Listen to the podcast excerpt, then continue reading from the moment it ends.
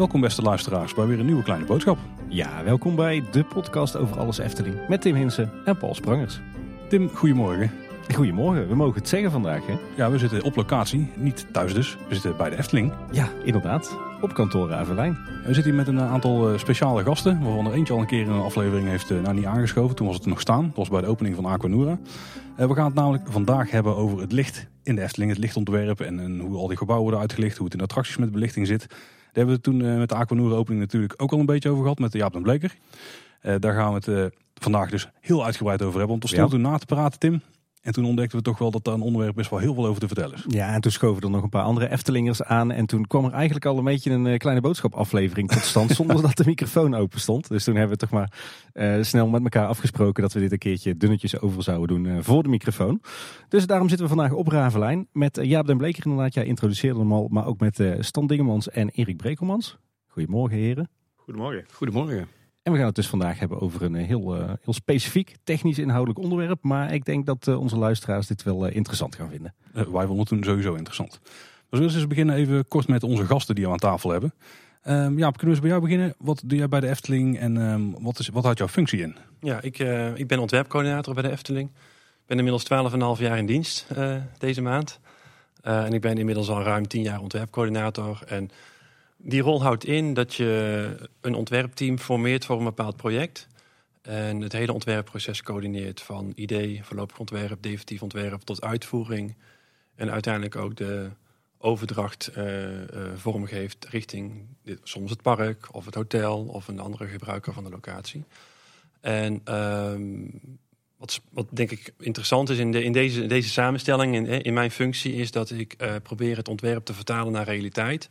En daarbij zoek je partners intern, hè, bijvoorbeeld Stan en Erik, hè, om eh, be- bepaalde show-effecten of show-elementen tot leven te brengen.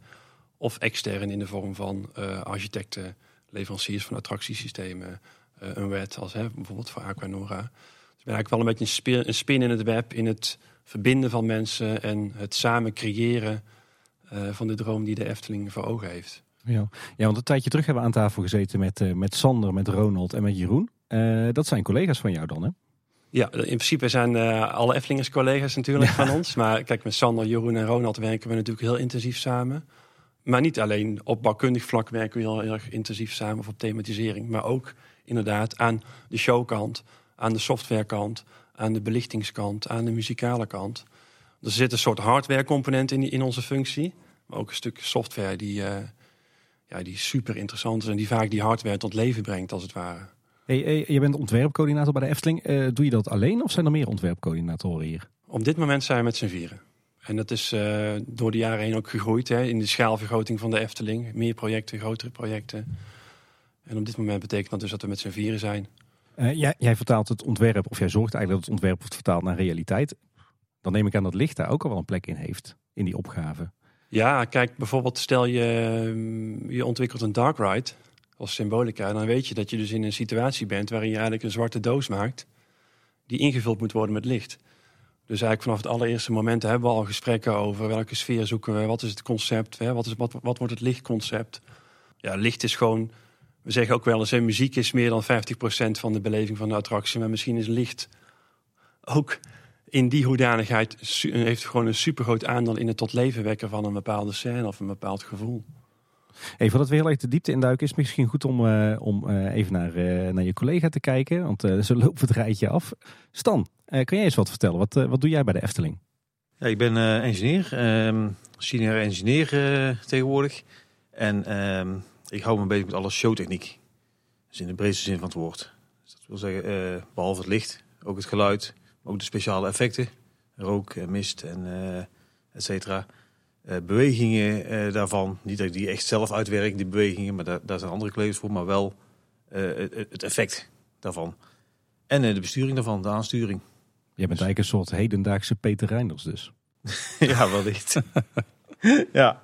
ja, daar kun je misschien wel een beetje mee vergelijken. Ja, dat het, ik, ik, ik, ik ga kijken samen met ontwerper en ontwerpcoördinator van hey, wat willen jullie nu eigenlijk? En hoe kunnen we dat vertalen naar iets bijzonders?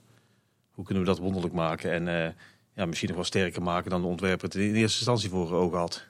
In ons vorige gesprek met, eh, met de ontwerpers, uh, toen viel de naam van de afdeling engineering ook al. Zou, zou je misschien eens nu we hier toch zitten wat, wat meer kunnen vertellen over die afdeling? Ja, de, verdeling, de afdeling engineering is eigenlijk de tussenspil tussen de ontwerpers en de uitvoering, de projectenafdeling. En zo zijn we dan ook gegroepeerd op, ons, op uh, Ravelijn. we zitten op één vleugel. De ontwerpers, dan, de engineers en dan de projectleiders. En uh, wij vertalen eigenlijk die, uh, die dromen van die ontwerpers naar realiteit. En de projectleiders en de, uitvoerders, werkvoorbereiders, die zorgen dat het ook echt gerealiseerd wordt, gebouwd wordt binnen tijd, geld, kwaliteit. Dus wij, wij, ja, wij zitten daartussenin. En uh, wat Jaap al zegt, we, we vormen een team en, uh, en met dat team maken we het samen. Dus het een kan echt niet zonder het ander.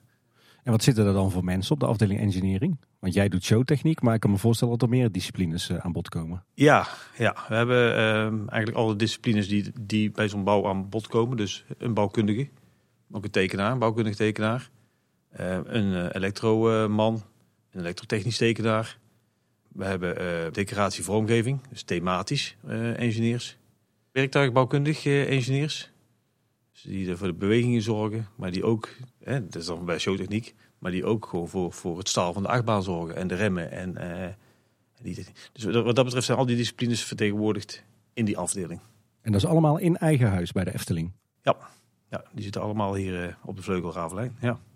Ja, en er zit natuurlijk ook een, een schil omheen hè, van externe adviseurs, externe architecten, externe nou, hè, engineeringsconsultants, zeg maar. Maar in principe zijn wij daar wel heel trots op dat we nog steeds die kern, dat we dat gewoon zelf in eigen huis doen. Ja, toch best een flinke klus, denk ik, voor een, uh, een park. Ik denk dat er weinig parken in West-Europa zijn die zo'n uh, club uh, eigen ingenieurs in dienst hebben. Ja, Efteling heeft eigenlijk altijd wel gehad. Hè, van vroeger af, hè, je noemde Peter Reiners. Het is wel altijd die kracht van die Efteling geweest. Dat er iemand zat met een, met een visie en een creatieve techneutgeest die, die bijzondere dingen wist te maken. En, en, en niet gewoon een schakelaartje en het lamp gaat aan. Nee, een, een klink en dan gebeurt er iets. even, net even iets verder denken. En het geeft je ook de mogelijkheid om kleine dingen aan te pakken tussendoor. Want je hoeft niet steeds een ander extern bedrijf in te schakelen om dingen te komen oplossen of in te plannen. Ja, nou dat doen we dus wel heel vaak. We, kunnen het lang niet aan. En dat, dat geldt ook voor de werkplaats zo.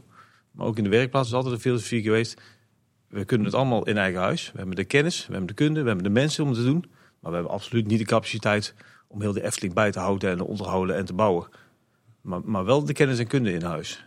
Dus we, in principe zouden we het zelf kunnen, maar we kunnen het in ieder geval aansturen. En we, en we weten wat we vragen aan aannemers en eh, wat er mogelijk is. Dus dat we niet te snel met een kluitje in het riet gestuurd worden. Dat kan niet, dat bestaat niet, dat is te duur, dat is onmogelijk. We, zoeken altijd wel naar een oplossing eh, erin. En ja, daar speelt ook de ontwerpcoördinator een, een rol vaak hè, om, om daarin eh, te zoeken en samen op te trekken van hey, waar zitten er nog wel de mogelijkheden om iets mogelijk te maken? Hey, ik zag jij, jij bent wel de, de Nestor aan tafel, want je werkt al sinds 1989 in de Efteling, eh, zag ik. Ja, dat is al best lang. ik ben uh, per toeval eigenlijk binnengekomen als stagiaire. Gewoon echt via school uh, geplaatst. En ja, dat is goed bevallen. meteen blijven hangen, meteen vakantiewerk. In de weekenden werk ik geluidsinstallaties opbouwen met het zangen, verstijnen en dergelijke. En zo die evenemententechniek ingerold. En uiteindelijk eh, na, meteen na school aangenomen als, uh, als storingsmonteur, elektronicus. Dus dat, dat hield in uh, zeven dagen uh, storingdienst lopen en dan nog uh, de andere acht dagen van de drie weken dan in de werkplaats besturingen bouwen, onderhouden. Ja, bandrecorders poetsen. Kijk. Echt ouderwets ook, ja. ja, precies. En ouderwets helemaal opgeklommen binnen ik heb, Ja, ik heb, maar ik heb inderdaad een staartje van die oude techniek meegemaakt echt uh, tientallen bandrecorders overal stonden die elke drie weken onderhouden moesten worden. En uh, ja, en langzaam die digitalisering naar de eerste CD-speler. En, uh, ja, en ook op lichtgebied inderdaad die ontwikkeling meegemaakt. Ja. ja, want als we dan even inzoomen op licht. Jaap heeft net al verteld welke plek licht heeft in het, in het ontwerpproces. Wanneer stap jij dan in als, als engineer als het gaat om, om licht en belichting? Eigenlijk het punt dat er een, een, een concreet idee is, een redelijk concreet idee is van wat er moet komen. En hoe, hoe dat eruit ziet, met, met, met ook eventueel ook al een rijvoorstel. Uh, ja. En dan ga, ga ik meekijken, oké, wat, is, wat is er dan nodig? En dan, dat geldt niet alleen voor het licht, maar eigenlijk voor heel die showtechniek. Want ook het geluid en de akoestiek, en, en, maar ook de zichtlijnen voor het publiek. En daarmee ook de zichtlijnen voor het licht. ja, die zijn wel van belang op dat moment. Want dan moet het gebouw vormgegeven worden en het moet wel passen. Ja, we hebben echt wel gevallen gehad dat, dat er op dat moment dat, dat, dat wij als, als engineering bijschakelen. Dat dan nog blijkt dat het gebouw toch wel wat groter moet worden dan, dan gedacht. Of dat er een, een uitstulping moet komen, omdat het anders gewoon niet gemaakt kan worden wat er voor ogen is voor techniek.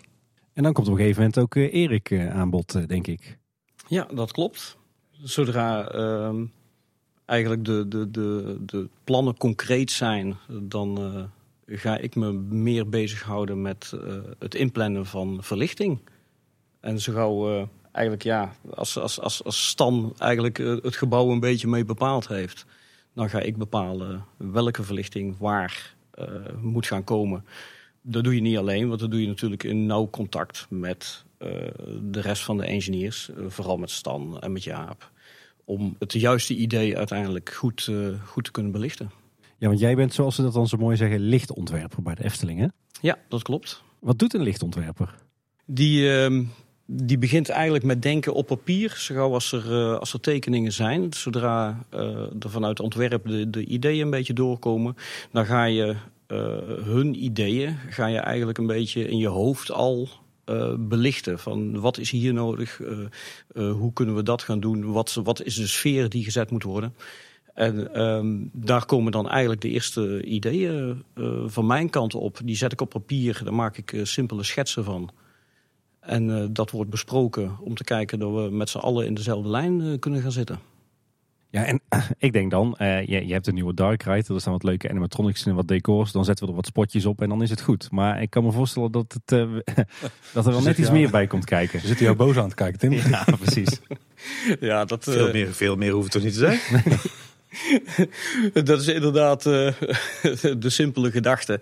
Ehm, bij ons willen we vaak de techniek niet laten zien. Dus eh, die animatronic die staat er, die is eigenlijk levensecht. Die, dat is ook geen animatronic, is geen pop, maar dat is gewoon een karakter wat in dat decor staat. En ehm, die moeten we ook zo levensecht mogelijk eruit laten komen. Eh, zonder dat je die techniek gaat zien, zonder dat je die spotjes gaat zien.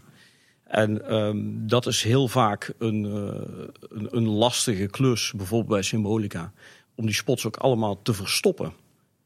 Zeker, zeker bij Symbolica, waar je, waar je eigenlijk eh, ook het plafond gewoon kan zien. De, heel vaak doe je de spotjes verstoppen in een plafond. Ja, bij Symbolica is het ook heel lastig. Dus daar hebben we echt wel eh, ja, aparte dingen gedaan om spots weg te kunnen werken. Wat wij vaak zeggen, doe de werkverlichting aan en zet daarna de showverlichting aan.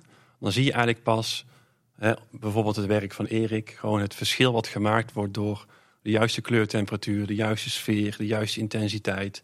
Eh, wij schilderen vaak met licht. Eh, kijk, wij maken onze decors eigenlijk altijd al zo, zo mooi dat ze in werkverlichting er ook fantastisch uitzien.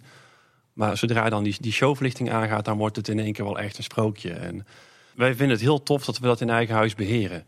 En dat we ook onze eigen lichtstijl kunnen maken. En als je nu, jullie volgen de Efteling ook wat langer. Je zult waarschijnlijk langzamerhand wel een bepaalde belichtingsstijl gaan herkennen. Die we met elkaar, toch deze generatie, aan het ontwikkelen zijn. En dus, dus we kijken niet alleen projecten individueel. Maar we kijken ook naar hoe hebben nou al die belichtingsconcepten nog raakvlakken met elkaar binnen de artistieke wereld van de Efteling. Ja, het is wel mooi dat je dat zegt. Want als ik terugdenk aan Droomvlucht begin jaren 90, dan was dat volgens mij, zet er een bak geel licht op en de scène is uitgelicht. Nou, Nou, Even gekserend, hè? Ze kijken weer boos aan jou, Tim. Ja, precies. Nee, maar om het even te chargeren. Ja, hè. ja, ja. Maar als je dan kijkt naar Fata Morgana. Ja, tenminste, vind ik, ik persoonlijk vind ik dat nog steeds de masterclass. Of een van de masterclasses. Hoe je, hoe je een attractie benadert vanuit het lichtperspectief. Fata Morgana is heel erg mooi en subtiel gedaan. Er zitten hele subtiele kleuren in en zo is die ook wel uitgelicht. Ja, ik vind het wel mooi, want volgens mij, ik kan me voorstellen dat, eh, dat eh, Disney zijn eigen lichtontwerpers heeft. Maar ik denk dat er verder weinig parken zijn die echt zo ver daarin gaan eh, dat ze een eigen lichtontwerper hebben. Dus het belang van showlicht is, is hier denk ik wel. Ja, maar wij hebben natuurlijk klassiek gezien in vergelijking met andere parken ook relatief veel dark rides, veel binnenscènes, sprookjes. Hè, kijk, een, een park als Walibi heeft, heeft minder aan een belichter dan, dan een park als de Efteling. al die graffiti moet ook worden uitgelicht. hoor. Precies. Hè? Ehm, maar ehm, ik, ben, ik ben ooit bij Disney geweest in Amerika en daar hadden ze 150 lichtontwerpers in dienst. En alleen in, in Glendale in Amerika.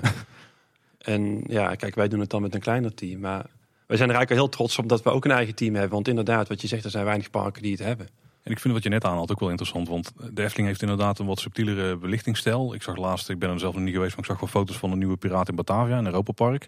En als je dan zo'n overview shot hebt, dan zie je denk ik in één, scène zie je gewoon eh, knalpaars, knalrood, knaloranje, knalgeel. Alles zo, Alle, alle kleuren LED zie je voorbij ja, zo contrasterend mogelijk naast ook- elkaar ook bijna. Maar bij de Efteling zie je, natuurlijk- zie je daar helemaal nergens op die Wij, manier. wij proberen daar wel eh, eh, zorgvuldig mee om te gaan, inderdaad. En, en, en die, die sfeer te behouden die Antropiek eigenlijk in de jaren 50 al neergezet heeft. Daar wil je ook het lichtontwerp erin houden. Dus wij blijven weg van die primaire en harde kleuren. Wij werken zacht, wij werken met pasteltinten. En eh, ja, we hebben ook een eigen palet eigenlijk van kleuren die we daarin toepassen, zoals de ontwerpers dat doen. Die nog steeds terugvallen op, op bijvoorbeeld de Antropiek kleuren en afgeleiden daarvan, maar ook wel in die stijl. Zo doen we dat met licht ook. Oké. En wat zijn dan typische Eftelingse lichtkleuren? En dan moeten we Erik hebben. Die heeft één grote favoriet. Daar doet hij alles mee. Eén bak licht erop en dan eh, klaar. Hè? Het maanlicht. Nee, dat, dat, dan, dan ga je toch wel in de pastelkleuren zitten. Dus eigenlijk hetgeen wat Antropiek eh, doet, eh, ga je versterken door echt pasteltinten te gebruiken. En ehm, bijvoorbeeld wat, wat eh, in de Piraten van Batavia gebeurt met hele felle kleuren. Daar ga je het licht zien. Daar zie je dat iets is uitgelicht en aangelicht. En dat zal ik altijd proberen om te voorkomen. Het, het moet een versterking zijn van de scène die je ziet. En ja, dat doe je toch met wat lievere, mooiere, zachtere kleuren. Bij ons zul heel weinig eh, inderdaad van die vlekken zien met kleuren. Het is een geheel. En sommige dingen springen eruit. En sommige dingen vallen wat terug. Maar ook die dingen die terugvallen hebben licht. En ook daar staat een uniek spotje op. Of meerdere. Maar toch vallen ze terug. En dat is een keuze om het subtiel te maken. En om het ja, natuurlijk te houden. En, eh, Ja, kijk, en wij blijven ook vaak trouw aan het concept. Dus stel de, de Piraat in Batavia, stel het is een boottocht eh, door Batavia in de nacht. Nou, dan blijven wij in de nachtelijke tinten. Dus dan heb je het over maanlicht, je hebt het over warm licht achter de ramen, je hebt het over kaarslicht.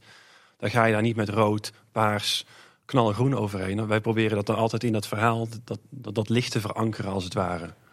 Ja, en het licht vloeit als het ware in elkaar over. Dus je ziet niet echt die, die lichtbundels eh, op het decor staan. nee, absoluut niet. Dat zul je bij ons niet zien. Kan je heel mooi zien eh, in de jungles van eh Fata Morgana.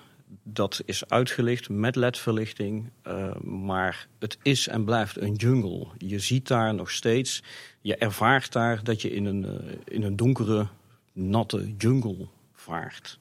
En ondanks dat er tientallen spots hangen, ervaar je het wel als donker. Ja, zeker. Duister, spannend en diepte. Maar dat doe je dus wel, wel met heel veel spots en niet met, eh, met twee grote bouwlampen erop. Nou, is de Jungle in Fata Morgana ook een op dit moment best bijzondere plek, denk ik, qua verlichting in de Efteling. Dus een beetje aan het eind van de verlichtingshistorie binnen de Efteling, denk ik. Zoals we even kijken naar de geschiedenis van lichtontwerp binnen de Efteling. Want ik kan me voorstellen dat er in de jaren, zeker vanaf de jaren 50, enorm is veranderd ten opzichte van nu. Ja, dan denk ik dat Stan de aangewezen persoon is. Hè? Want die loopt hier al sinds de jaren Ja. 80 rond. eh. Dan kijkt weer iemand boos naar jou, Tim.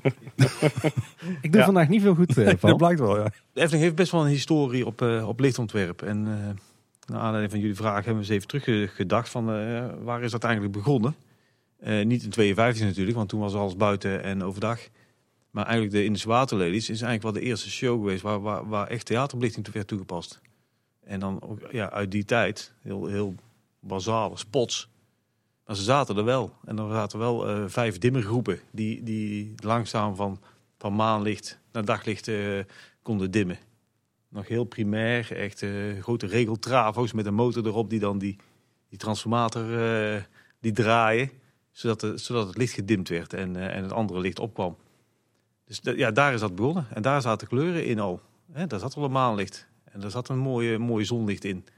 Ja, en die tinten, die kleuren die daarin zitten, dat zijn ook nog steeds ja, de paar basiskleuren die we ook nog, nu nog steeds eh, veelvuldig toepassen.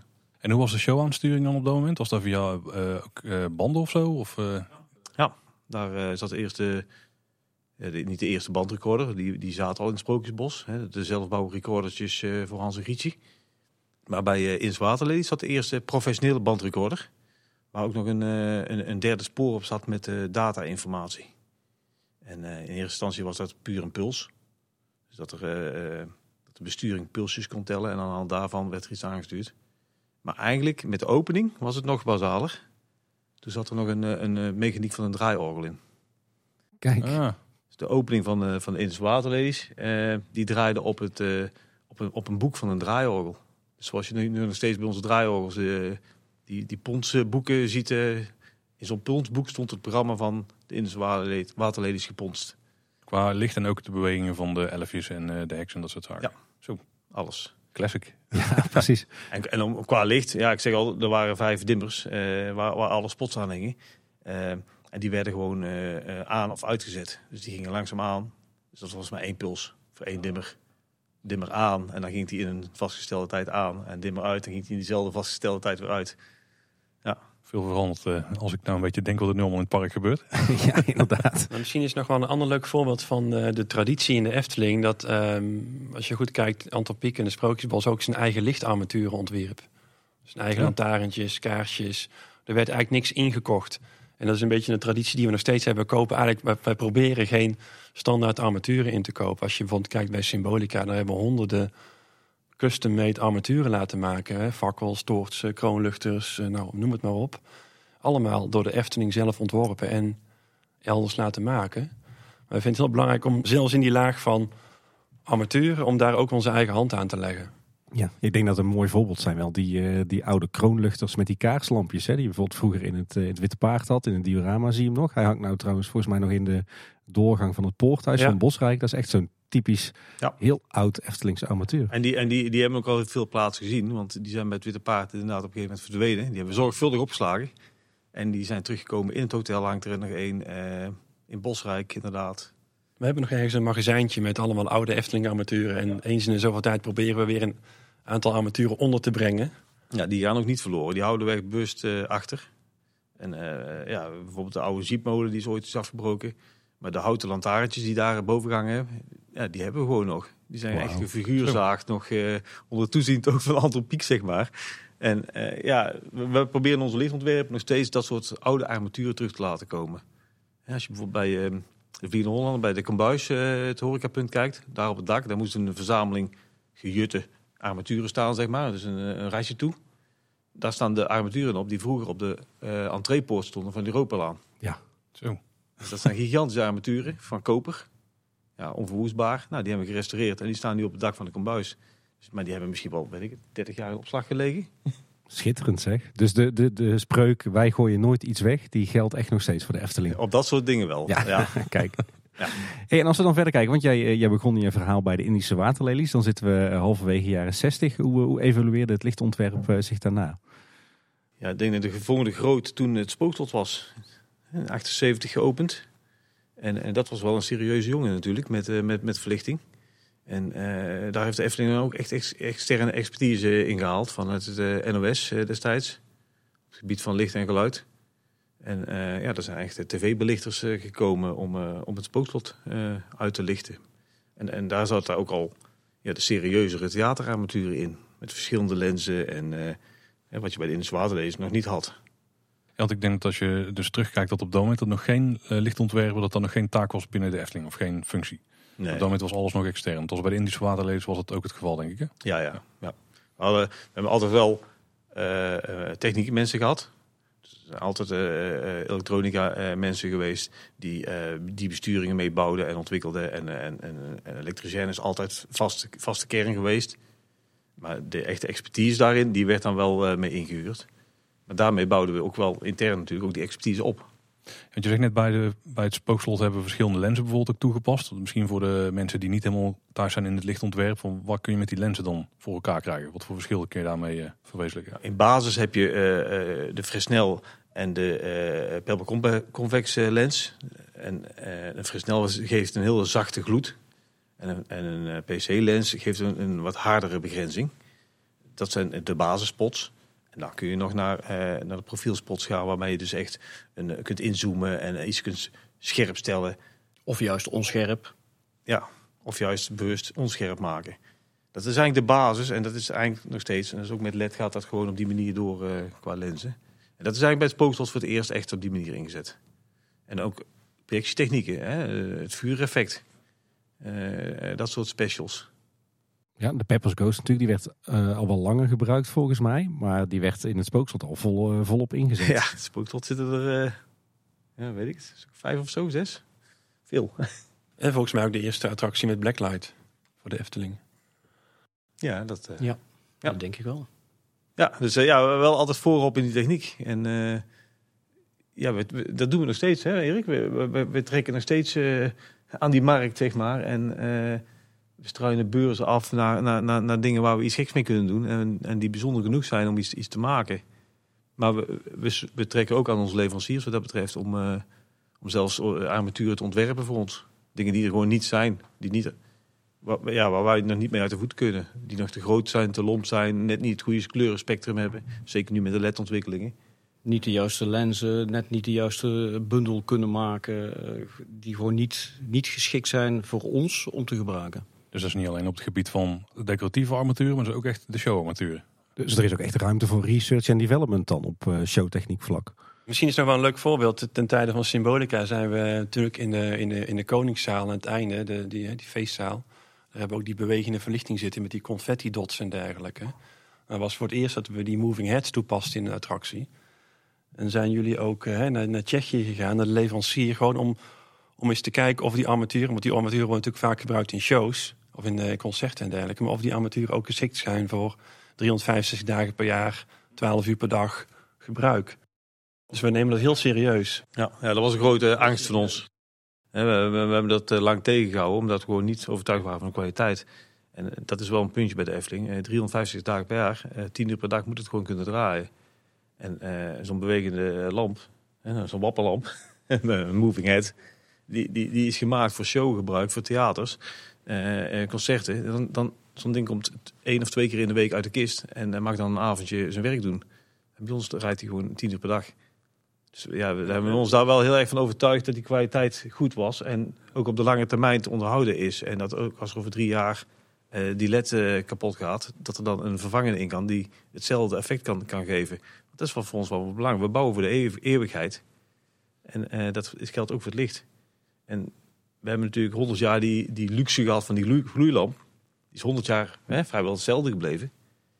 Ja, dat is de laatste jaren echt wel wat veranderd. En het, eh, maakt het wel complexer om eh, de instandhouding eh, goed te regelen voor de, voor de toekomst. Ja, moving heads op zich, die past die bij Aquanura al toe.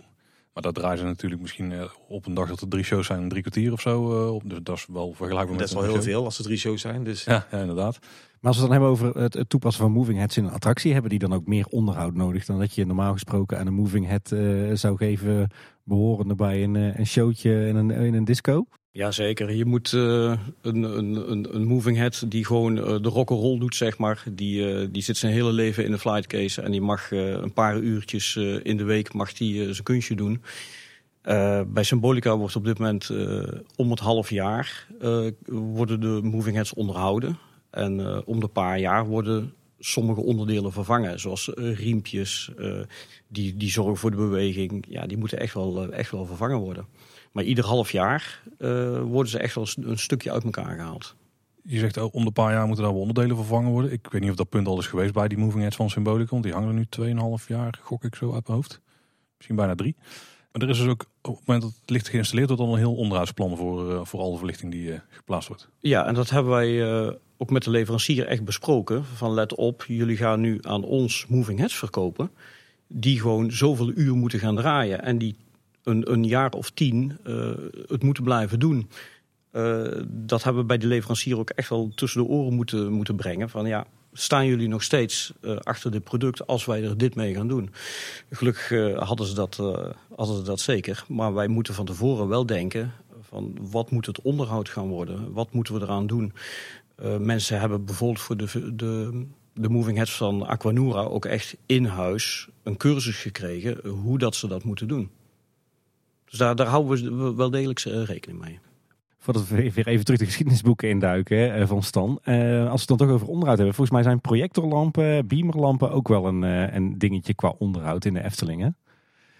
Dat is absoluut waar. Ehm, daar hebben wij op heel veel projectoren hebben we gewoon eh, urentellers zitten. En het systeem geeft automatisch aan van hé, hey, eh, die lamp heeft nog zoveel uur, die moet vervangen worden. En dan eh, wordt dat ingepland en wordt die lamp gewoon vervangen. Ja, ook, Zeker. daar, ook daar is eh, draaiuren echt wel een, eh, een issue. Ik weet niet uit mijn hoofd, maar volgens mij heb ik ooit gezien op een beamer bij ons op kantoor... dat die tot 10.000 uur meegaat. Ja, dan zit je bij de Efteling, zit je daar na een jaar of twee zit je daar al aan. Ja, dat gaat heel snel. En eh, net als dat we met, de- met de moving heads gezien hebben, waar, waar we echt aandacht aan hebben besteed, is, is dat ook met videoprojectie. de techniek gaat zo snel. Maar wij zijn, maar wij zijn eigenlijk niet gebaat bij een opvolger, een eh, moving head, die ineens eh, eh, een derde meer licht geeft. Ja, dan krijg je deze. Dit is dezelfde. Geeft meer licht. Heel fijn. Nee, dat willen we niet. Wij willen dezelfde uitstraling houden. En dat is met video natuurlijk eh, helemaal het geval. Eh, de projectieformaten die, eh, die, die, die zijn al een aantal keren veranderd. Verbeterd elke keer. Maar wel veranderd. En dat is best lastig om uit te houden. In, in, in een bestaande attractie. Waar, waar die ingebouwd zit met zichtlijnen, met een spiegel soms. Met de, ja, Ook als je kijkt naar de symbolica, naar die Koningszaal. Er hebben, het plafond is helemaal op maat gemaakt voor de armatuur. Er zitten lichtkoven in. Er zitten, in de hoeken hebben we die, die moving heads zitten. Nou, ik denk dat bijna niemand ze zal zien. Ze zijn maar eerlijk Ja, je moet echt maar eens een keer, ik nodig je graag uit om er. een keer echt eens gewoon naar dat plafond te kijken. Hoeveel effort er zit in het wegsteken van al die armaturen en hoe dat is ingebouwd. En als er dan in één keer een grotere armatuur in moet komen of met een andere maat, dan heb je gewoon een probleem. Ja. Het, is allemaal zo, het zit allemaal zo krap op elkaar. Maar dat doen we dus ook al in het eh, ontwerpstadium. We gaan kijken van nou, ik wil deze armaturen erin plannen. Hoe groot zijn ze? Hoe kunnen we ze wegwerken? Eh, bijvoorbeeld een moving head. Ja, als die recht naar beneden hangt of wanneer die beweegt. Dat, eh, d- d- die heeft heel veel ruimte nodig. Nou, hoe gaan we dat wegwerken? Dat wil wel eens discussies opleveren van, eh, van ja, ik wil ze daar hebben, want ik wil dat zien. Eh, dat esthetisch kan dat niet altijd. Dus daar, dat, dat is echt onderdeel van het ontwerpproces waar wij met z'n allen mee bezig zijn. Dat is een groot deel van die engineering, hè, om, eh, om die belangen af te wegen. Hè, dus Erik heeft een belang bij dat die spot wel ergens in die hoek moet hangen, want anders kun je die pop niet belichten. En de ontwerper zegt, ja, maar ik wil, die, ik wil die hoek eigenlijk heel mooi zuiver houden en schoon houden. Maar ja, we zullen ergens die spot kwijt moeten. Dus daar, da- daar zit ik eh, wel tussenin, zeg maar, om, om dat te coördineren en ook af te stemmen met bouwkundig van hoe krijgen we dat ingepast en, en, en, en- en hoe kunnen we op een creatieve manier daar toch ruimte voor eh, creëren. Dat past in het patroon en in het ritme van zo'n plafond Ja, bijvoorbeeld. Zo'n plafond kun je dus ook echt alleen maar samen ontwerpen. Als je Ja. dat allemaal in, een, in je eigen zeiltje doet, dan kom je er niet uit. Want je snapt elkaars belangen niet en je snapt elkaars zorgen niet. En ja, dat plafond van Symbolica hebben we ook gewoon, eh, daar ga je gewoon letterlijk in een half uurtje schets je zo'n idee uit.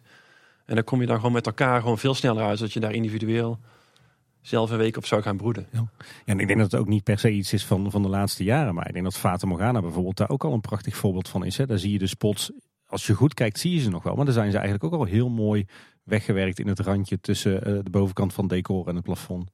Ja, maar er is wel een groot verschil tussen Fata Morgana en bijvoorbeeld een Symbolica. Fata Morgana heeft geen dak. Daar, daar stoppen de wanden en er zit nog een stuk eh, zwart en een zwart plafond. Bij Symbolica ehm, kan je ook het plafond zien en de wanden gaan over in het plafond. Dus bij Fata Morgana zit eigenlijk al het licht een beetje achter je of verstopt aan de zijkanten. Terwijl je bij Symbolica ook door de voertuigen echt 360 graden rond eh, gaat. En je kijkt nog eens naar boven. Ja, en, en een groot verschil is wel met de huidige werkwijze. Het is veel meer gestructureerd. Het is echt een project met een, eh, met een vaste tijd en een planning. En eh Fata Morgana is toch wel meer organisch gebouwd. Hè, die bouwtijd is behoorlijk uitgelopen. Het budget is, eh daar zullen we het maar niet over hebben. Eh, dat- dat is tegenwoordig ook, eh, wordt het ook wel ja, professioneler aangepakt. En, en dus moet zo'n plafond van tevoren ontworpen zijn. En de draagkracht berekend zijn van het dak. Inclusief de sneeuwlast en inclusief de zonnepanelen die er nog op moeten. En het, het gebeurt niet meer organisch. Nou, kijk, en je hebt straks heb je het gehad over onderhoudbaarheid en zo. Hè? Maar als je dan bij Symbolica op de zolders gaat kijken, op, de, op de lichtbruggen en zo, dan zie je ook gewoon de effort die we als Efteling steken. Niet alleen aan de voorkant, maar ook om de achterkant op orde te hebben. Dat het aan, nette buizen hangt, dat het gezekerd is, dat het veilig is, dat je er goed bij kunt. Dat, nou ja, we nemen wel eens mensen mee naar boven. En dan, ja, die mensen ook... Zozeer ze als ze, eh, dat ze onder de indruk zijn van de voorkant, zijn ze eigenlijk vaker ook nog misschien nog wel meer onder de indruk van wat er allemaal achter zit. En hoe dat ook, ook inmiddels ehm, georganiseerd is als je het bijvoorbeeld vergelijkt met een droomvlucht of een Fata Morgana. Ook daar maken we stappen in. Ja, maar ook daar is daar ook al goed ruimte voor gemaakt. En, en echt wel rekening mee gehouden. Hè? Want Ja. ja, het is nog steeds wel die oude filosofie. We bouwen voor de toekomst en voor de volgende generaties. En het moet dus goed te onderhouden zijn. En eh, op het moment dat, dat je die spullen een goede plek geeft, dan gaan ze ook lang mee. En dat- ja, dat zie je ook. hè Zo'n Fata Morgana. Dan hangen nog steeds het grootste deel de, de, de originele spots Kijk. uit eh 86. ja. Dan- zijn we weer terug in de geschiedenisboeken, want daar waren we net een beetje gebleven bij het spookslot. Mooi, eh, dus dan is de cirkel weer rond. Want dan komen we eigenlijk na het spookslot komen we aan in de jaren 80. En eh, dan is het, zitten volgens mij ook al wat eh, uitdagingen op lichtvlak. Want dan eh, komt Carnaval Festival, dan komt de Fata Morgana, eh Trollenkoning. Het zijn toch allemaal wel interessante lichtprojecten geweest. Ja, zeker. zeker. En ehm, je ziet daar die overgang ook weer met externe. Toen is de firma Flashlight echt serieus binnengekomen.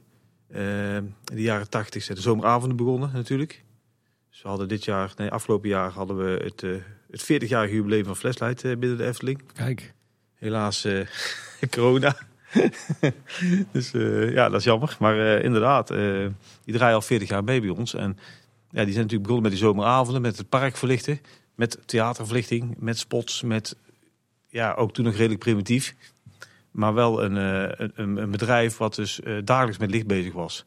En eh, niet meer de tv-belichters, maar theaterbelichters. En dat is wel een duidelijke stap geweest. En dat zie je terug. Dat zie je inderdaad in Carnaval Festival. Dat zie je zeker in Fata Morgana. En dat, ja, daar, daar, daar zijn we, hebben we die professionele stap gemaakt naar de theaterbelichting. Want je hebt het over het volhangen van het, het park met lampen. De eerste zomeravonden. Dan was het dus zo dat een, een firma als Flashlight de vrachtwagen opentrok. En eh, in een paar avonden het hele park vol knalde met, eh, met spots. Ja, inderdaad. En eh, toen, toen stond Flashlight ook nog in de kinderschoenen. Dat is ook in de garage aan huis begonnen. En eh, die moest ook echt alles meesleuren wat ze hadden. En dat was eh, het project van het jaar.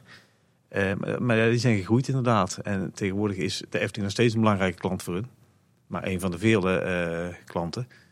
Maar ja, eh, ja, toen ik eh, in de Efteling begon, toen was het echt nog eh, huge. Het was, het was voor hun nog het, het event van het jaar. Toen, had, toen was er nog geen Lowlands en, en dergelijke.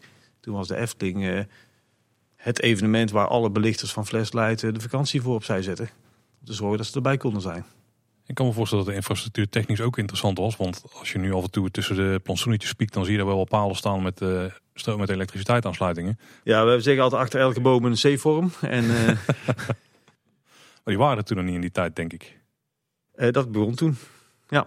En eh, toen is er voor de zomeravonden eh, de eerste jaar heel veel geknutseld om stroom te krijgen overal. En in, de, in, die komende tien jaar, de eerste tien jaar zeg maar, is er gewoon heel veel geïnvesteerd in, in stroomvoorziening overal eh, om, om voldoende stroom te krijgen. Want het waren natuurlijk ook de, echte theaterspots. 1000 watt is, is maar heel gewoon en dat gaat, dat gaat hard. Dus daar is heel veel voor geïnvesteerd door de Efteling in stroomvoorziening, kabels verzwaren. ja. Toen in de beginjaren werd het allemaal ingehuurd. Maar eh, later, zeker de afgelopen twintig jaar, zien we op steeds meer plekken ook echt de- vaste sfeerverlichting verschijnen. Hè? De vaste kleurenverlichting in het park. Ja, dat klopt. We zijn ehm 98 volgens mij begonnen met Sprookjesbos. Dat is mijn eerste echte grote klus, eh, project eh, die, die ik zelf trok, zeg maar. eh, de, de verlichting van het Sprookjesbos doen. Nou, gaan er maar aan staan. eh. en ehm, ook daar zat al een ontwerpcoördinator op. En die was heel duidelijk. Die zei van, ik wil, eh, ik wil klein, ik wil subtiel. Ik wil het sfeervol hebben. Duister. En Flashlight was gewend om met spots van 500 en 1000 watt te werken. Want die hadden ze in het theater ook nodig. Dus iets kleiners hadden ze niet. We zijn toen, eh, toen begonnen met, een, eh, met, met, met kleinere spotjes. En, eh, 100 watt en eh, 50 watt. En uiteindelijk, na, na een hoop experimenteren, kwamen we uit op 50 watt, 35 watt, 20 watt. En daar is eigenlijk zo'n beetje heel Sprookjesbos mee verlicht. En natuurlijk staan er nog wel iets grotere lampen eh, achter in het decor, in, in, in de bomen. Maar de, de sprookjes op zich is allemaal subtiel gedaan, met heel veel kleine spotjes. En toen, en toen kreeg ik ook de uitdaging van, ja, Flashlight die, die, eh, die knoopt een eh, kleurfiltertje voor. En gewoon een gelfilter. En, maar ja, die verbranden. Die, die, die, bleken uit, zeg maar. Daar gaat de kleur verloopt na een aantal weken als er licht op staat. Ehm, dus we moeten naar glas toe. Nou, daar hadden we natuurlijk al ervaring mee. Fata Morgana en Droomvlucht is ook allemaal voorzien van glasfilters. Om, omdat het gewoon heel veel draaiuren draait. Maar toen kwamen we in het Sprookjesbos. En daar moesten we andere kleuren hebben. En die waren er niet in glas. Nou, oké. Dus toen hebben we, toen we ook echt de boer op gegaan. En eh, die filters kwamen toen net uit. Dat is, een betere vorm van, van de, de originele glasfilters. En toen zijn we echt met de, met de leverancier eh, om tafel gaan, zit- gaan zitten. Van ja, wij, wij missen gewoon een aantal kleuren in jullie gamma. En eh, ja, help ons daarmee. Ja, dat was niet zo simpel, want eh, die gewieden is niet zo'n kwestie van eh, stel de kleur maar in op de machine en dat komt wel. Dat is een soort gefundeerde gok die ze doen. En daar zijn een aantal gokken voor nodig om tot het juiste resultaat te komen. Dus toen hebben we in samenwerking met, met, met Roscoe, eh, in Amerika, Canada zitten die, hebben we zeven kleuren ontwikkeld voor, voor het Sprookjesbos. Met een aantal testen over en weer en beoordelingen. En ja, die, die ontwikkeling hebben wij als Efteling dan ook moeten betalen natuurlijk, want ja, het is zwaar voor ons. En eh, daarmee hebben we dus een unieke kleurengamma die, die we eigenlijk in het Sprookjesbos gewoon eh, ja, veelvuldig toepassen. Buiten de bestaande kleuren natuurlijk die wel geschikt waren. Maar ja, ook dat soort stappen, die moet je af en toe zetten om, eh, om het uniek te houden. En die, die zeven Eftelingse lichtkleuren voor het Sprookjesbos, die worden nog steeds gebruikt. En natuurlijk, we gaan nu naar LED toe, dus die gebieden en kleurfilters zijn gewoon minder nodig. Maar eh, ja, die zitten nog overal. Iets wat ik me ook nog kan herinneren is volgens mij dat het, het van onderen aanlichten van bomen, wat je tegenwoordig in iedere stad en in ieder dorp ziet, dat dat volgens mij ook een Eftelingse uitvinding is uit eh die tijd. Ja, ik weet niet of het een uitvinding is, maar het is natuurlijk wel iets wat, eh, wat hier met die zomeravonden door Flashlight veelvuldig geëxperimenteerd is. En dat was ook echt een strijd toen. Hè? Dus Flashlight die kwam hier met een heel team. En een paar trailers vol met materiaal. En eh, die maakten ploegen. Die hadden meestal vier eh, ploegen met een eh, ploeghoofd. En eh, elke ploeg die kreeg een aantal attracties toegewezen. En een deel van het, van het rijk die ze, die ze moesten belichten. En eh, dat was echt een strijd. Dus op het moment dat dan de oplevering was, de opleveravond, dan, dan kwamen we vanuit Efteling met een aantal mensen. En dan gingen we al die, eh, al die objecten beoordelen en eh, opmerkingen eh, doen. En op het eind was er dan een bijeenkomst en dan, eh, dan was er eh, een stemming. En dat ging voor de eer van de Gouden Chuko. En een Chuko is een stekker, is gewoon een normale stekker. Eh, alleen dit was dan de Gouden Chuko. En die werd jaarlijks uitgereikt, dat was een wisseltrofee. Eh, aan de ploeg eh, ja, die de mooiste attractie had gedaan. wat mooi. Dus ja, daar stond, daar, ja, daar stond echt spanning op, op, op, die, op die ploegen om het mooiste resultaat te maken. Binnen de mogelijkheden die ze kregen. Want ja, die, die, die paar trailers materiaal, die waren, waren voor iedereen. Dus die moesten verdeeld worden. En daar moest voor geknokt worden. En ja, aan elke ploeg de uitdaging om er iets bijzonders van te maken. Dus die, ja, die Gouden Chuko is nog steeds een, eh, een mooi ding bij Flashlight. eh, waar gewoon eh, elk jaar eh, de winnaars op staan en de attracties op staan. En, eh, ja. Je zou er bijna een tv-programma rond kunnen, kunnen maken. Naar de kerstdorpjes en Lego, eh, de gouden Ja. Chico stekken. Maar het resultaat is dus wel dat, dat iedereen uitgedaagd werd. En, eh, en, en echt iets moois wilde maken en iets bijzonders wilde maken. Ja, en dan zie je wel dat dat park helemaal tot leven komt. En eh, ja, dat, dat werd ook echt gewaardeerd. eh. en ja, dat, dat, dat, dat, die navolging daarvan, die zie je inderdaad. En die zie je, ja, nu wordt het betaalbaar. En iedereen eh, gaat zijn tuin verlichten en een spotje en een kleurtje. Maar misschien valt het je ook op, want ehm, je zegt hè, alle bomen in de Efteling zijn verlicht. Of er komt licht van onderuit. Je bent natuurlijk geneigd als attractiepark vaak om je attracties uit te lichten. Een achtbaan of een gebouw. Maar op de Efteling is natuurlijk de natuur eigenlijk onze grootste attractie. Dus daarom zie je misschien ook in verhouding ten opzichte van andere parken heel veel belichting op bomen. En in struiken en over een plein. om- Omdat wij gewoon heel erg graag die, eh, het natuurpark laten zien. Maar dan ver- in het avondlicht. Het verbreedt ook eh, de attracties, de attractiegebieden. Het, het, eh, het, het maakt de attractiegebieden aan elkaar. Dus je loopt van de ene attractie in een vergelijkbare sfeer, loop je door naar de volgende attractie. En dat doe je door op deze manier eh, vooral ook je gebied mee te nemen en juist niet te ontkennen. Daarmee blijft de sfeer, eh, het, het loopt, loopt door en daarmee wordt het echt Efteling. Ja, en ik, ik denk wel dat we de afgelopen jaren consistenter zijn in het in de synergie tussen de, tussen de objecten. Ik denk als je kijkt Dat naar de objecten uit de jaren 80 of jaren 90, dat je daar toch verschillende smaken in ziet. En ook de beperkingen van de technieken destijds, die heel dominant waren in het uiteindelijke beeld. En ik denk dat we nu met LED en met, met de taal die we met elkaar ontwikkeld hebben, Er komt meer eenheid, meer eenheid tussen, tussen attracties. Toen was er ook meer afkadering. Hè? Dit is de attractie, tot hier en niet verder. Ja. En, eh, ja, wat je zegt Tim, eh, een dikke jaar, twintig jaar eh, geleden... zijn we ook die buitenwereld meer gaan belichten. En eh, er zijn er een aantal heel grote projecten geweest, echt groenplannen noemen we dat. Waarbij zo'n eh, hele omgeving van de Gondoletta bijvoorbeeld in een paar jaar tijd... compleet op zijn schop gezet werd, wegen omgelegd, eh plantsoenen vernieuwd. En, en daarbij kwam ook meteen de vaste verlichting. Dus dat was echt, een doordacht plan alsof we een attractie bouwden, maar dan ja, de groene attractie. En s'avonds eh het lichtplan erop.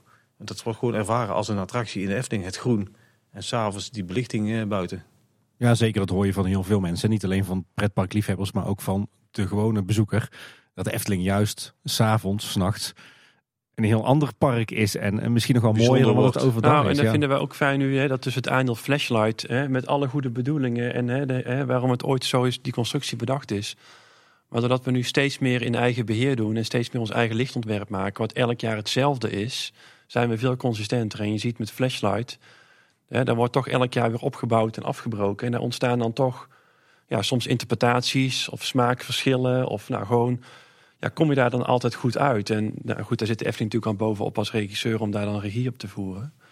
Maar het, het fijne van het licht hebben in eigen beheer is dat je gewoon ja, altijd het beeld hebt zoals je het met elkaar hebt voor ogen hebt, zeg maar. Ja, want ik denk dat jullie de, de afgelopen twintig jaar van inderdaad alles ieder jaar erin fietsen door flashlight en ieder jaar anders, eh, naar een situatie eh, eh, nu in 2021 is gegaan van, wat zal het zijn, 80, 90 procent vaste verlichting eh, buiten? Oh, iets minder denk ik. Ik denk 70 procent. Ja, Ja, 70. twee derde of zo is denk ik Efteling. Kijk, bijvoorbeeld zo'n groot object als de Piranha is nog helemaal flashlight. Eh, ook omdat dat echt nog een seizoensgebonden attractie is. Ja, dan wil ik eigenlijk vragen, zijn er nog plannen om die laatste 30 procent ook nog eh, eh, te voorzien van vaste verlichting? Jij zegt Piranha, ik denk ook aan eh, een aantal achtbanen in het Ruigrijk, ik denk aan het Lavelaar. eh, Ja, die plannen zijn er natuurlijk altijd. Alleen je zoekt altijd een, eh, een haakje om die investering mee te laten lopen. Hè. Dus als we bijvoorbeeld een, een renovatie doen of een modificatie aan een bepaald object, dan proberen we dat daar meestal in mee, mee te nemen. Hè. Dus stel er komt een groot onderhoud Piranha aan, dan proberen we dat daarin mee te nemen. Het is heel ingrijpend, vaste verlichting. Eh kijk, flashlight eh, kan gewoon flankkabels over de grond leggen door een boom spannen. Vaste verlichting eh, moet alles ingegraven worden. Dus je haalt een hoop overhoop. Er moeten masten komen, eh, vaste posities. Dat, ja, dat is best wel ingrijpend. Dus dat is eigenlijk alleen interessant als je het echt integraal aanpakt. Hey, en dan zeiden we al, dan komen we aan in 2021. En Erik, dan k- kijk ik toch even naar jou en naar jouw eh, eh, werk. Want we hadden het net al over het begin van het lichtontwerp. Hè. Jij gaat aan de slag met de, input die je krijgt van Jaap en zijn collega's en, en van Stan en zijn collega's. Maar wat, wat gebeurt er dan? Hoe ziet, hoe ziet dat ontwerpproces van het licht er nou uit bij de Efteling? Ja, ik, be- ik begin in, eh, in eerste instantie gewoon op papier het een en ander te tekenen. Je hebt er gesprekken met elkaar. En als we dan uiteindelijk echt gaan bouwen, dan eh, moet hetgeen wat we verzonnen hebben, bijvoorbeeld buizen, bruggen, eh, dat soort dingen, die moeten dan al eh, gerealiseerd worden. Dat zag je heel mooi bij een Symbolica en bij de Baron. Dan zag je in de staalconstructie, zag je eigenlijk de lichtbruggen al ontstaan. Dus als we dat voorwerk niet goed hadden gedaan, ja, dan ga je vanaf dat moment echt, eh, echt de mist in. Eh, ondertussen hebben we bepaald welke armaturen er moeten komen. Eh, dat is soms budgetafhankelijk, maar meestal komen we daar toch met z'n allen wel uit.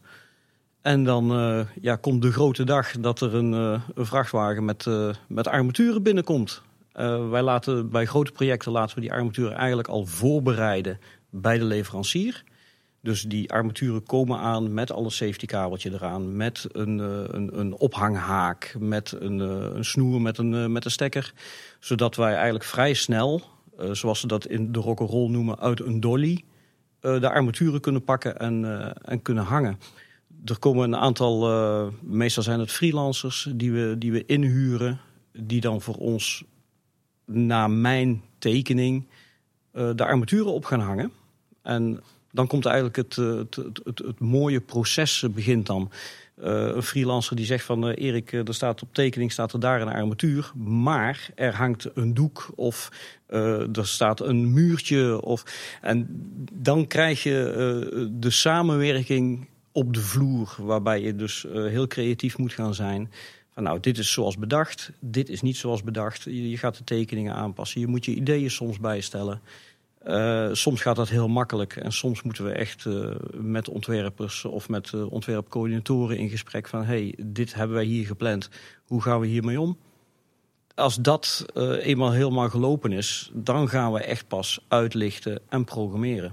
Dat is eigenlijk de mooiste stap van, het, van het geheel, want dan ga je de decors die er zijn tot leven brengen. En wij kunnen met licht kan je een decor echt helemaal afbreken. Kan een decor echt helemaal lelijk maken. En aan ons is dan om het decor te gaan laten leven, zo- zodat het gewoon de beleving is dat het echt is. Je moet in die wereld moet je kunnen, kunnen, kunnen gaan dromen dat je gewoon echt door die wereld heen gaat. Heel leuk om te vertellen met, eh met de aspoester mee gemaakt hadden. Er, eh, dus eh, poester gebouwd. eh, nou, dat was in, de engineeringfase helemaal, helemaal rekening houden. Eh, aan de achterkant zelfs nog een beetje het gebouw nog een beetje groter laten maken. Zodat er een heel mooi zonlichteffect kon optreden. Op het moment dat de deuren aan de achterzijde open gaan, komt, straalt de zon, valt de zon naar binnen. En, en dat is misschien al mooi om te vertellen. In het ontwerpproces, dus op het moment dat ik assenpoester ging tekenen, het licht erin ging tekenen, zag ik eigenlijk in de tekening dat die zon nooit ging passen. Dus die zon, die hing eigenlijk, de, de, de lamp aan zich, de zon, die hing buiten het gebouw. Ja, dus we hebben daar in de engineeringsfase echt het gebouw groter laten maken aan de achterkant. Hoog, want er moest de zon komen. Nou, mee eh kreeg daar eh, de, de horeca meteen een opslag eh, bij. want daaronder was ruimte ineens. maar daar komt de zon en dan kwam de lichtbrug en dan moest een hele grote lamp komen. Maar dan moest een, zon, een zonlichteffect eh, binnenkomen. Nou, helemaal uitgetekend, alles in 3D, zichtlijnen, constructie, bouwplan, alles klaar. Bouw het maar. nou, dan komt Erik daar binnen en die gaat uitlichten. en die steekt de zon aan. En wat blijkt, als de poester eh, heeft helemaal geen licht in haar haar. Toen bleken de animatronics eh, net verplaatst te zijn ten opzichte van het, eh, van het ontwerp. Oei. En het idee was, eh, de deuren gaan open, de zon gaat aan en je ziet Assepoester echt het zonlicht door de haar, haar heen gaan. Ja, dat effect was weg. Want ze stond precies in de schaduw met haar hoofd. Ja, dus ehm, ehm, is daar uiteindelijk nog een, eh, een mooi toplichtje bedacht. Zodat je toch die gloed van die haren van de assenpoester te zien krijgt op het moment dat de deuren open gaan. Dus er is een ander lampje wat de haren van Assepoester Ja, aan dat is een, eh, dat is een wel, wel degelijk Ah. een ander lampje. een ander lampje. Ja, dat zijn dus de dingen die je in de praktijk tegenkomt. En dan hebben andere collega's met de beste bedoelingen. Je zegt van, ah, die pop die staat, ja, die staat wel hier gepland op teken. Maar ja, weet je, hier staat je eigenlijk net iets mooier. Eh, maar, maar Erik vertelt net, hè, dat, dat is dan toch even bij Assepoester te blijven. Dat je met licht de, de sfeer kunt zetten in een scène. Maar ik, persoonlijk vind ik Assepoester ook een heel mooi voorbeeld van hoe je met licht regie kunt plegen op wat de gast mag gaan zien of moet gaan zien. Hè. Je, je, kunt, je ziet bij Assepoester heel duidelijk dat er accenten gemaakt worden in het licht, in een bepaalde hoek van de scène, bijvoorbeeld op, eh, op het speeldoosje. Hè, en uiteindelijk bouwt dat licht zich steeds verder op tot die climax naar die, naar die, naar die zon die binnenkomt. Assenpoester is heel theatraal, Heel theatraal. gemaakt. Eh, het lichtje gaat aan, het lampje gaat aan op het punt waar je als bezoeker hoort te kijken. En langzaam zie je heel die scène eigenlijk vanaf een, een, een nachtsfeer, zie je die scène steeds iets lichter worden. En je gaat steeds meer details in, die, eh, in dat showtje ga je zien. Het is ook echt benaderd als een, eh, als een theaterstuk. Je hebt echt een aantal, eh, ja, in het theater noemen ze dat, noemen ze dat lichtposities die op een rij liggen. Het, het is heel theatraal benaderd. En dat vinden we heel leuk als je het toch hebt over geschiedenis en evolutie. Droomvlucht Fata Morgana is het licht eigenlijk vrij statisch. En als je kijkt naar de recente projecten of sprookjes of een symbolica, dan zie je toch dat in scènes vaak het licht verandert, opschaalt, afschaalt, een accent legt. Veel dynamischer wordt dan, nou, dan wat we in de jaren 80 en jaren Je krijgt ook 90 steeds deden. meer technische mogelijkheden. Hè? Dat, dat maakt het ook mogelijk. En dat is in Fata Morgana inderdaad. Eh, er zaten in de eerste jaren maar 40 eh, dimmers die echt op en neer gingen. En 600 dimmers die gewoon statisch ingesteld stonden. Dat is wel een verschil. En tegenwoordig ja, met LED is... Elke lamp is uniek dimbaar en eh, stuurbaar. Dus de mogelijkheden worden ook groter. Eigenlijk vind ik eh, persoonlijk Assepoester heel erg lijken op Spookslot. Spookslot bouwt ook klein op en gaat helemaal naar, naar, dat- naar dat extreme toe. Dat is absoluut waar. Het is ook heel theatraal. Ik kan me wel voorstellen dat het uitlichten van attracties en sprookjes ook heel erg is veranderd de laatste jaren. Want je ging denk ik van een situatie waarin je de spots kon richten en er een kleurenfiltertje eh, voor geplakt werd. Ga nu naar een situatie waarin je met LED werkt en eigenlijk iedere spot eh 100% vrij kan programmeren. Ja, en daar, eh, d- dat vind ik ook heel leuk om te doen. Ik, eh, ik, ik, ik probeer altijd iets eh, in, een, in een belichtingsplan eh, te maken wat mensen misschien nooit gaan zien. Eh, ik heb daar een heel mooi voorbeeldje van. Dat is de grot van, eh, van Sneeuwwitje. Daar is overdag, als je, naar, eh, als je in de verte kijkt, dan zie je het huisje staan. En dat huisje is overdag, zie je het riet van het huisje, zie je een beetje in de kleur waarvan je riet verwacht dezelfde scène s'avonds, dan komt er een heel klein maanlichtje over het dakje in de verte. Het zijn hele kleine, subtiele dingen. Maar dat vind ik gewoon te leuk om, eh, om, niet te doen, zeg maar. Oeh, ik hoop dat we veel van die voorbeelden horen vandaag, Tim, want dan ga ik allemaal kijken. ja, precies. Nou, dat is ook de stap die we toen eh, met het Sprookjesbos gezet hebben. eh, met de verlichting van het Sprookjesbos. Eh, voorheen was de Sprookjesbos natuurlijk alle, alle tafereeltjes binnen. Daar, zat, daar zaten lampen. Eh, dat was redelijk basic. Eh, en toen kregen we deze avondsituatie met een sumiere verlichting buiten. Dus overdag heb je dus binnen, in, die, in die scènes binnen heel veel licht nodig. Om tegen het zonlicht op te boksen. Want anders kun je niet door de raampjes naar binnen kijken. Maar s'avonds was dat veel te veel. Toen zijn we eigenlijk begonnen met, met standen maken. Toen hebben we met de, met de bouw van, van de verlichting van het Sprookjesbos... hebben we gezegd, nou, als we dat Sprookjesbos gaan doen... moeten we ook de tafereeltjes binnen aanpakken. Dus die hebben toen ook een upgrade gekregen. Er zijn andere spotjes ingekomen. Ook wat kleinere spotjes. eh, betere kleuren, beter afgestemd. En eh, overdag eh, lekker veel licht natuurlijk. Maar s'avonds werden ze echt teruggedimd. En, en, en werd er een, een, een lichtstandje gemaakt in die, in die sprookjes. Wat er ja, voorheen, voor die tijd eigenlijk ook niet was. En gebeurt het dan heel geleidelijk of eh, is er echt een moment dat ze omschakelen van het een naar de andere stand? Ja, er is echt een moment dat ze omschakelen. Wanneer de decorverlichting aangaat, dus de, de, de verlichting op bomen en dergelijke. Dat is het moment dat ook de binnenscènes eigenlijk een stuk terugdimmen. Of wanneer, eh, in geval van LED, we dus soms naar een net iets andere stand gaan. Is dat bij de, bij de moderne projecten ook nog zo? Bijvoorbeeld bij de Zes Zwanen heb je, die, ehm, heb je in principe de godwaaier erheen gaat. Ik kan me voorstellen dat het daar misschien iets geleidelijker nodig is. Nou, dat is eh, een, technisch gezien een heel ander verhaal. Want daar hadden we heel erg te maken met zonlicht. Zonlicht wat eh, s ochtends vroeg echt door de, door de ingang naar binnen komt. Eh, eind van de middag komt het door de uitgang naar binnen. Daar hebben we eigenlijk gewerkt met een lichtsensor. Die ziet ja, hoe licht het buiten is. Het voordeel van LED en het aansturen van LED. je kan rekening houden met het zonlicht. Dus gaandeweg de dag, hoe donkerder het buiten wordt, de kleuren blijven hetzelfde, alleen de intensiteit van de verlichting die zakt langzaam met het zonlicht mee. Ja, dus het gaat automatisch daar. Dat gaat automatisch. Dus ook als er wel bewolking is, dan kan het ook invloed hebben op de belichting aan de Abs- binnenkant. absoluut. En dat hebben we bijvoorbeeld ook al bij eh Max Moritz toegepast. Bij Max Moritz daar eh, zit eh, voor de video een lichtsensor om eh, dat te regelen, maar ook voor de, voor de verlichting. Max Moritz is ook nog wel interessant, want eh, we zagen de making of dat daar een heel 3D-model van was gemaakt, van elk station. Heb je die dan bijvoorbeeld ook gebruikt om het lichtplan eh, op te ontwerpen en daar alvast voorbeeldjes in te doen? Ja, zeker.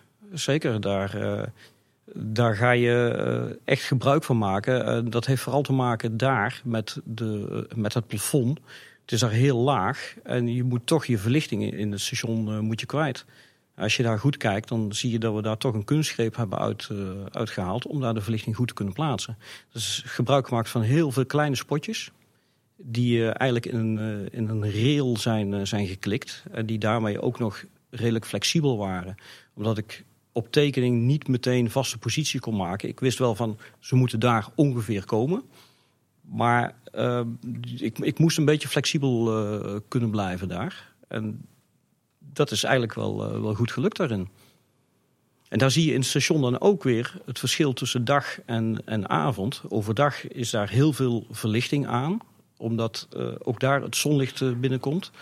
En wanneer het donker wordt buiten, dan schakel je om naar een iets wat donkerdere stand. Iets meer, iets meer blauw zit er dan in. Dus daar zie je ook echt twee verschillende standen in de verlichting. Dat is altijd wel een dingetje, hè? daglicht bij, eh, bij een hoop shows. Dus, weet jij misschien nog wel, Tim, uh, Vliegende Hollander? Ja. De, doelstelling van het station was dat je in een, in een ha- havenstadje stond op een kade. In de nacht. Ja. Buiten. Dat was het idee, maar er zit wel een plafond. Dus dat moest donker worden. En ehm, ja, daar hadden we de terugvaart eh, met een flinke tunnel eh, gemaakt. En, maar ja, het, het water reflecteert gewoon heel veel eh, licht eh, van buiten naar binnen. En, en, daar hebben we toen uiteindelijk ook eh, togen gemaakt. Eh, om zoveel mogelijk licht eh, tegen te houden en, eh, Ja. en, te dempen. En die waren toen volgens mij richting oplevering nog niet goed genoeg. En toen hebben we nog van die rubberen flappen daar weer onder gehangen om maar zoveel mogelijk licht buiten te Kijk. houden. Ja. Ja. Hey. En het leuke is, de geschiedenis herhaalt zich. Want dan denk je, nou heb je van die fouten geleerd. En alles, en alles in theorie benaderd. Toen we de Baron gemaakt hebben. Als je goed kijkt, dan is de, de Baron, de, heb je die machinekamer met die stoommachine. Nou, daar komt ook ja, eigenlijk volle bak zonlicht binnen op een bepaald moment in de middag. En daar heb je natuurlijk dat we graag die witte wieven wilden brengen met die projectoren. Nou, dus daar hadden we ook eigenlijk, hè, daar hebben we eigenlijk vanaf het begin af aan al voor gewaarschuwd van let op, die projectoren, dat wordt lastig. We hebben er echt naar gekeken, hè? van de oriëntatie. eh En dan kom je zuiden. Ja. Op een punt dat je dan daar met elkaar een bepaalde status van die show gaat beoordelen. Dat je toch zegt van nou die projectoren, het is gewoon niet goed. Dus we hebben een upgrade gedaan toen in die projectoren. We hebben inderdaad nog een rubber flap opgehangen. Om, hè, zo dicht mogelijk op het vrije ruimteprofiel zijn we gaan zitten. Maar je ziet toch dat dat dan in de praktijk toch altijd weer anders voelt. En, en, en, en, en Onderschat wordt ook wel. ja, onderschat. Ja. Misschien is het naïef. Of een beetje optimistisch naïef. Van het komt wel goed, er komen we wel uit. En dan in 9 van de 10 weersituaties kom je er ook uit als het behoorlijk is. Of de zon staat net goed. Maar dan net bijvoorbeeld om drie uur s middags. Ja, dan heb je gewoon echt een slechte show. En, ja, en ook dan gaan we dus zo verder te zeggen. Nou weet je, ook voor die gast die om drie uur daar binnenkomt. Want sommige gasten komen nou eenmaal één keer in hun leven in de Efteling. Nou, daar moet het ook gewoon goed voor zijn. En het zijn wel hele heftige bes- beslissingen die je dan nog in een uitvoeringsstadium moet nemen voor zo'n attractie. Ja, en ik denk ook dat showtechniek zich ook minder goed laat voorspellen dan een decor of een animatronic. Want ik weet dat wij bij eh, de Vliegende Hollander, dat Karel natuurlijk heel veel sfeerschetsen had gemaakt met brandend water en projecties en eh, ga er maar aan staan om het vervolgens te realiseren. En volgens mij meen ik me te herinneren dat er toen in de, bij, eigenlijk bij het uitwerken van de showtechniek en de daadwerkelijke realisatie, dat er best wel wat effecten waren waarvan we dachten, dit pakt eigenlijk net niet zo lekker uit als hoe het had moeten zijn. Het is vooral moeilijk eh, over het voetlicht te brengen, denk ik. In, eh, in een vergaderruimte, vooraf.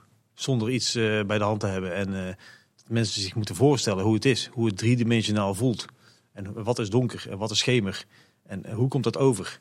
Dat is gewoon heel moeilijk om, om, om, om, bij mensen eh, ja, hetzelfde beeld in hun hoofd te krijgen. Ja, wat ons weer heel erg helpt is dat we ook gewoon vaak hele sessies organiseren waarin we gewoon kijken naar voorbeelden uit, het, uit ons park die goed werken. Maar we laten ons ook graag inspireren door andere parken of door, door theaterstukken of door musicals. Of gewoon dingen waarin je gewoon ziet dat iets in potentie kan werken. Maar dat we daarna nog wel eigen willen maken en er iets mee willen doen wat alleen de Efteling kan. Maar je bent wel eens op zoek naar bevestiging op die, wat je zegt Tim, die onderdelen die, ja, die, die, die je niet echt in steen kunt houden. Hè? Die je niet op een plaatje kunt laten zien vooraf. En dat, dat, dat helpt inderdaad heel veel dat we een heel groot eh, palet hier hebben staan al. Dat we kunnen zeggen, ga daar eens kijken. Of weet je nog hoe we dat daar gedaan hebben. En in, in dat showtje zit het ook in, dat effectje. En dat samen, dan... En, ja, je hoeft maar even naar buiten te lopen. En, je kunt het gewoon met je eigen ogen al zien.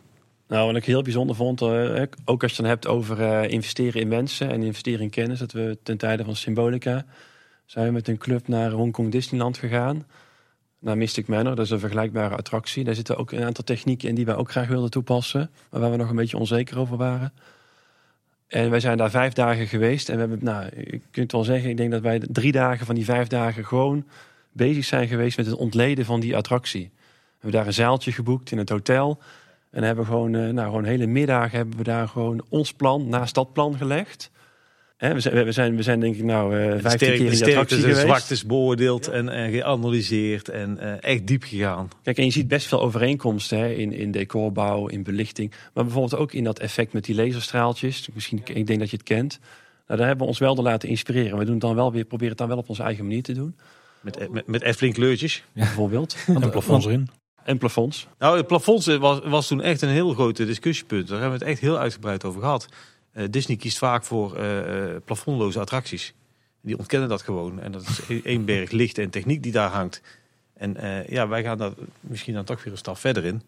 Dat we wel een plafond willen. En dat, heb je bij Symbolica wel gezien. Ja, dat, wat Erik vertelt, dat, dat is best lastig om te maken dan.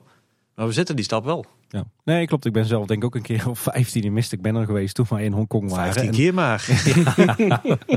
Daar maak ik Paul altijd mee jaloers. Maar Ja. dat verbleek ten opzichte van jullie ritjes waarschijnlijk. Maar toen viel mij er inderdaad ook wel op dat als je Symbolica daarnaast zet. Symbolica is echt 360 graden rond helemaal afgewerkt. Verlichting, maar ook nooduitjes. Maar ook de inblaas van de, van de luchtbehandeling. Terwijl in Ja. Mystic Manor is het eigenlijk als jij eh, net iets hoger kijkt dan eh 3, 4 meter. Dan hangt daar gewoon alle techniek eh tegen Ja, maar kijk, Mystic. Manor is denk ik ook meer toch nog een theatrale benadering. En wij hebben bij Symbolica geprobeerd echt een paleis te maken. Eigenlijk, hè, soms eh, inderdaad geven we daar ook een rondleiding door de, gewoon door de attractie. En dan, je kunt bijna geen plek noemen waarvan je zegt van nou, daar, daar geloof ik niet meer dat ik nog in een paleis ben.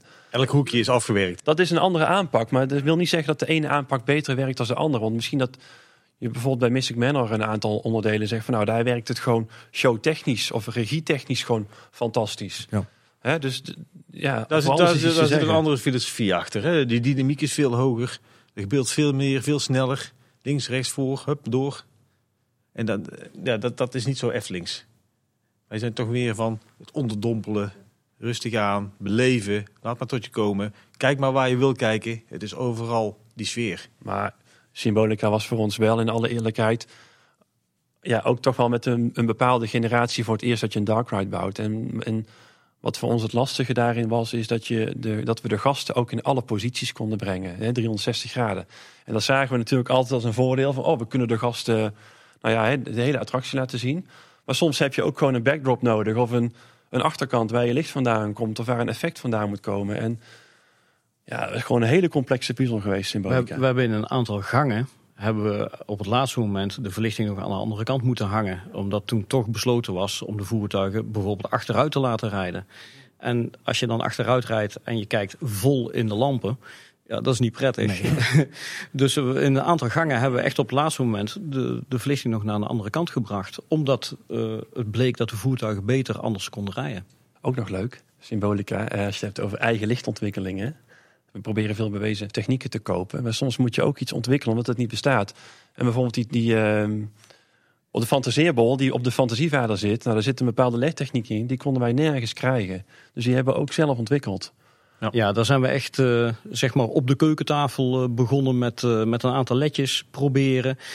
Zelfs zo'n zo'n ouderwetse wc-bol, zo'n opale wc-bol gepakt. Daar ledjes in gemaakt, een klein programmaatje geschreven.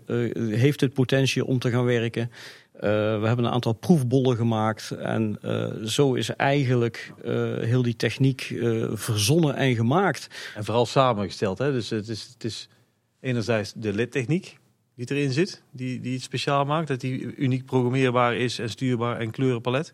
En anderzijds de bol zelf. En Ja. die samenwerking, die maakt dat het ja, een magische bol is geworden, zeg maar. En dus ook onze, onze eh decoratie-vormgeving eh, afdeling heeft daar echt gewoon heel veel eh, werk aan gehad om de juiste samenstelling te vinden van, eh, van, van de, de gietmassa en de juiste transparantie. Ja, nou, nou gaan we even heel diep, want dit vind ik heel interessant. Eh, want, want die bollen die zijn eh, best complex ook qua programmering, denk ik. Want eh, die, die voertuigen rijden rond, die zitten nergens op een databus vast of zo. Eh, de snelheid van de voertuigen die kan ook nog wisselen terwijl de attractie draait. Soms word je even langer stilgezet als het misschien in het station al langer duurt. Hoe kun je nou triggeren dat die bollen, dat het juiste karretje op het juiste moment het juiste effect geeft? De voertuigen weten waar ze zijn.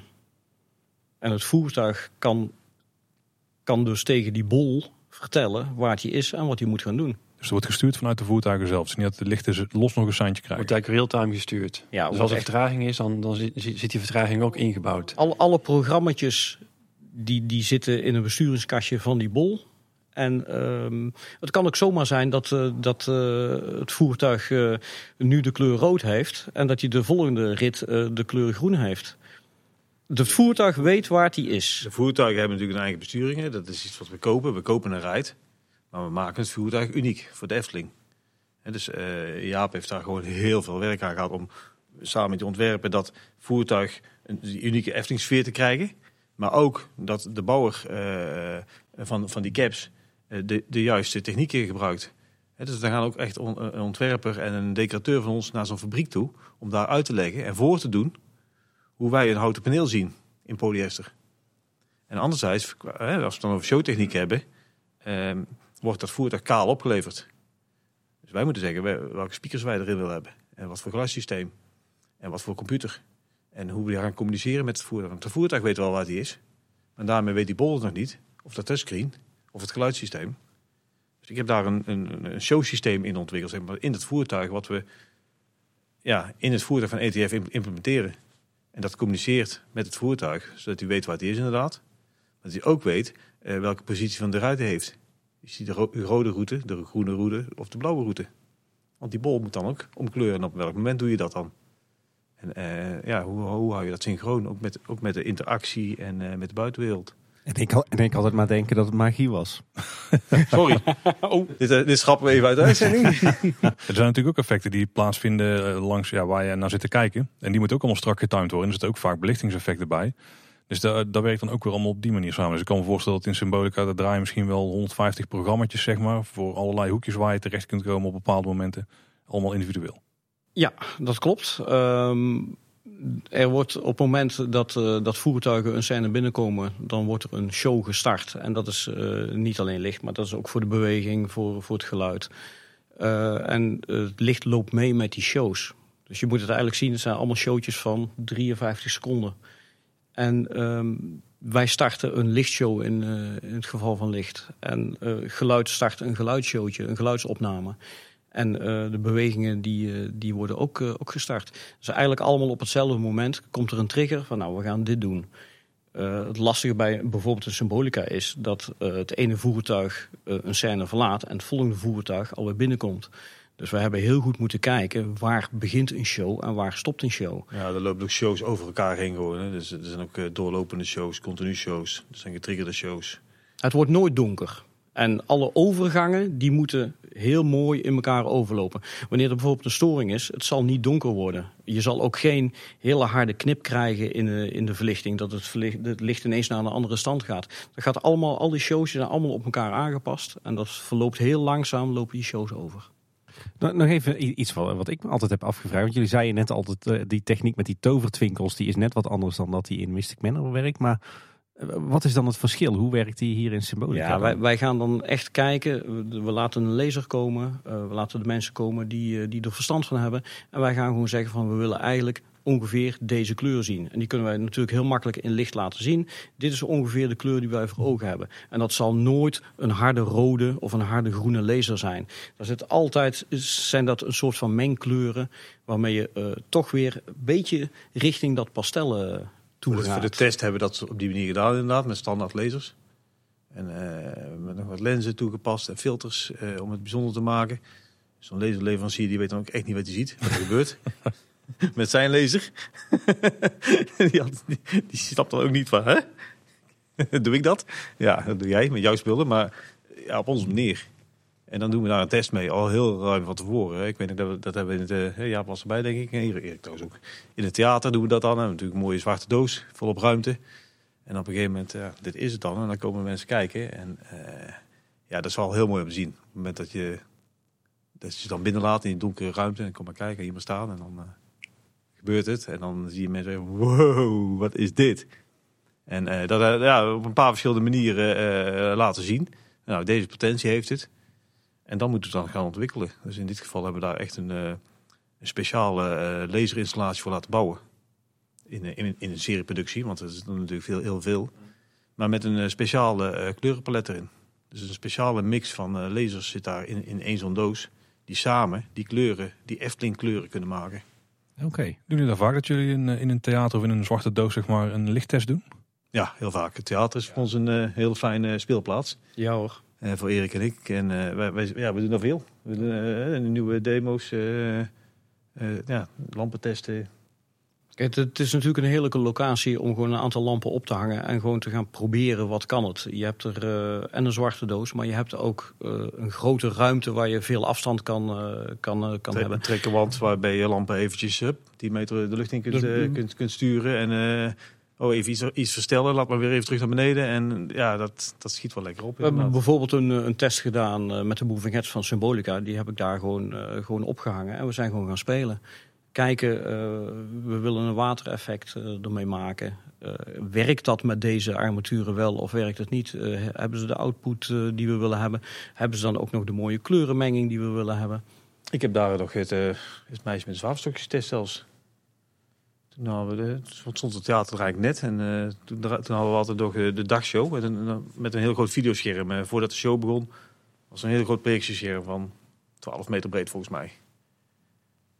Ik, ja, ik moest voor, de, voor het meisje moest ik een, eh, een speciaal video-effect gaan maken. En groot. En uh, eigenlijk past dat niet in zo'n ruimte. En uh, in, die, in die techniek en in die zichtlijnen. En, dus ik ben echt daar gaan experimenteren in die zaal. Dat Erik zegt, volop ruimte, groot projectiedoek. En, die, en echt die projector echt buiten zijn grenzen getrokken. Van wat kan er nog? Wat kan ik nog met die lens? En wat kan ik nog met die, met die shifting? En, is ook nog wel leuk om te vertellen. Dat we, hè, want we bij, de bron hebben uiteindelijk gekozen voor witte wieven in projectievorm. Dat vonden we toch spannend. Effeling is toch ook wel heel erg analoog op een bepaalde manier. We proberen die nieuwe techniek natuurlijk altijd wel te omarmen. Maar ja, we, we voelen ons ook thuis bij dat analoge. We hebben toen ook in het theater een aantal tests gedaan met witte wieven in in doekvormen. Die voortgetrokken worden, opge opgehesen worden. En als een Aan soort dansen aan de trekkerwand. Ja, dat was heel magisch, hè? Met, met licht eronder, licht erboven. Ja. Maar goed, dan kom je ook weer in dat spel van eh, betrouwbaarheid, 12 uur per dag, noem maar op. Nou, dan, dan, blijkt toch een, een mapping, projectietechniek eh, ook natuurlijk heel veel goede mogelijkheden te bieden. Ehm, maar het is eigenlijk een, eh, een fantastische ruimte inderdaad om te experimenteren. Je moet het natuurlijk uiteindelijk in de show, in de attracties en in de sprookjes moet je objecten belichten. Heb je dan ook gewoon mannequins die je kunt gebruiken om bijvoorbeeld eh, iets te testen of iets uit te proberen? Of, of doe je het gewoon in een lege ruimte? Want dat kan ik me bijna niet voorstellen. Maar Ja, een beetje afhankelijk eh, wat we willen testen. Eh, de ervaring is natuurlijk eh, enorm. De kennis eh, die wij in huis hebben is enorm. Dus soms kan je af met, eh, met gewoon een, een simpele test in een zwarte doos. En soms eh, ja, gebruik, ge- gebruik je een flight case die je op elkaar zet om, een, om, om iets te suggereren. Soms wel wat kleursamples of zo, hè? Of een ja, een beetje afhankelijk. De- de- Of, of je, je haalt een, een doek op in het kledingatelier. Van nou, deze kleuren zitten erin. Wat kunnen we daarmee? Dat is heel erg afhankelijk waar we mee bezig zijn. Bijvoorbeeld de vlinders van Symbolic hebben we ook eerst helemaal een prototype van laten ontwikkelen. Ook gewoon in, in donkere ruimte apart beoordeeld voordat we de serieproductie gingen Ja, maken. maar ook daar de, de afstemming tussen eh, kledingatelier.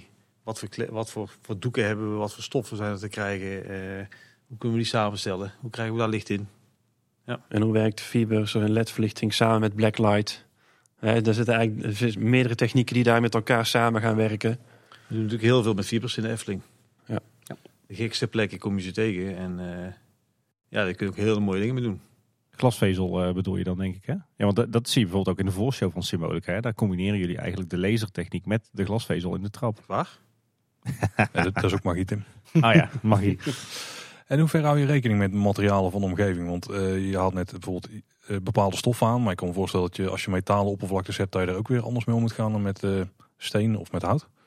Ja, dat klopt. Maar dat zie je meestal op het moment dat je met de uitlichting eh, gaat beginnen, wanneer je met programmeren gaat beginnen. Soms moet je toch echt gaan proberen van hoe reageert iets. En ehm, als we van tevoren weten van nou, dit kan een probleem gaan worden, dan doe je dat van tevoren testen. Maar meestal ga je echt ter plekke eh, proberen en eh, in je uitlichting ga je kijken. En over het algemeen komt het. We houden er wel een beetje rekening mee in de kleurkeuze. Nu steek met LED. Hè? Met de gloeilamp, halogeenlamp heb, heb je gewoon een perfect kleurenspectrum. Dus dat is vergelijkbaar met zonlicht. Dus wat voor filter je ervoor zet, dat is altijd mooi. Met LED is dat een ander verhaal. Dan moet je echt goed op de kwaliteit letten. eh, dat, die, dat die LED een goede kleurweergave heeft. Daar lopen we wel tegenaan. eh eh met name in de buitenverlichting bijvoorbeeld spotjes. We hebben de carousel getest eh, op het voorfront. Er zitten al geen spotjes. Ja, die lampen zijn niet meer te krijgen. Dus we moeten naar LED. En dan koop je van een gerenommeerd merk een goede grondspot. En dan, dan blijkt ineens dat de gevel gewoon eh, grijs eh, lijkt. In plaats van sprankelende uh, antropiekleuren. Dat heeft echt met de kwaliteit van LED te maken.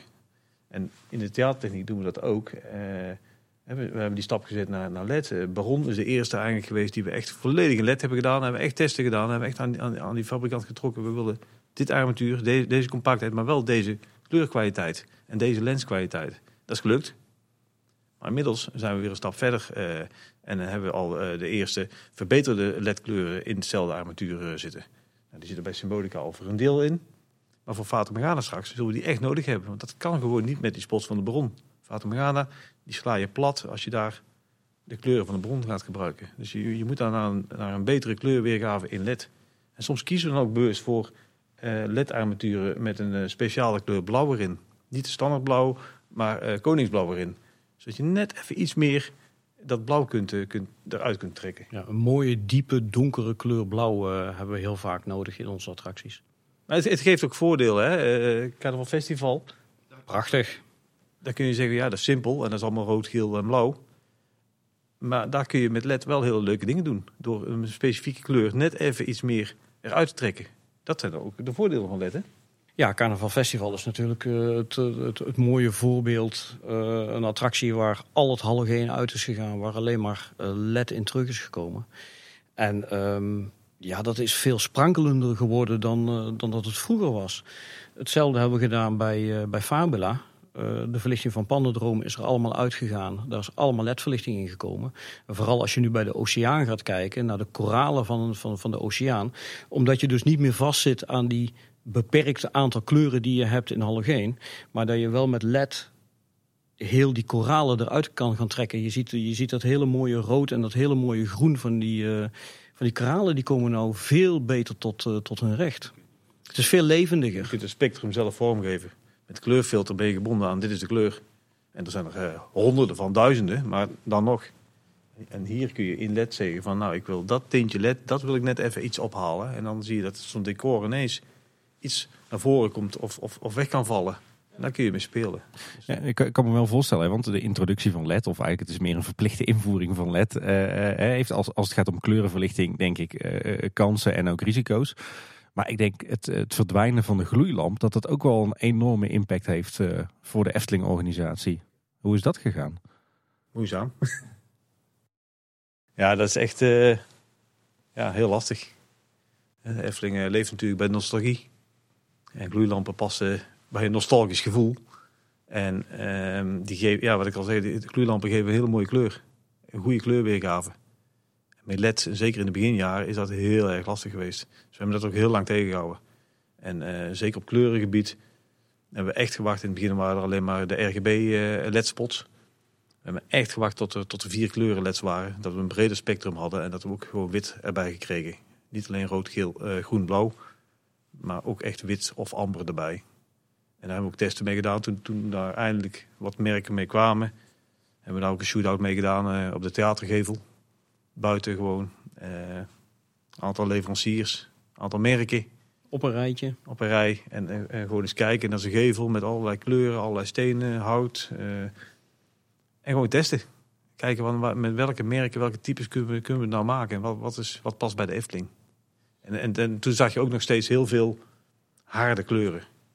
En er waren maar enkele leveranciers die echt bewust bezig waren met ja, natuurlijke kleuren. En ik kan me voorstellen dat een, eh, als je een ledspot hebt met alleen maar RGB-leds, dus dan heb je maar drie leds alleen in de kleuren. Volgens mij als je die langs een vlak, langs een vlak afschijnt en je ziet dan daar in het vlak erachter weer het licht vallen, dan zie je ook die splitsing van die drie verschillende kleuren. Dus daarom wil je die wit erbij hebben.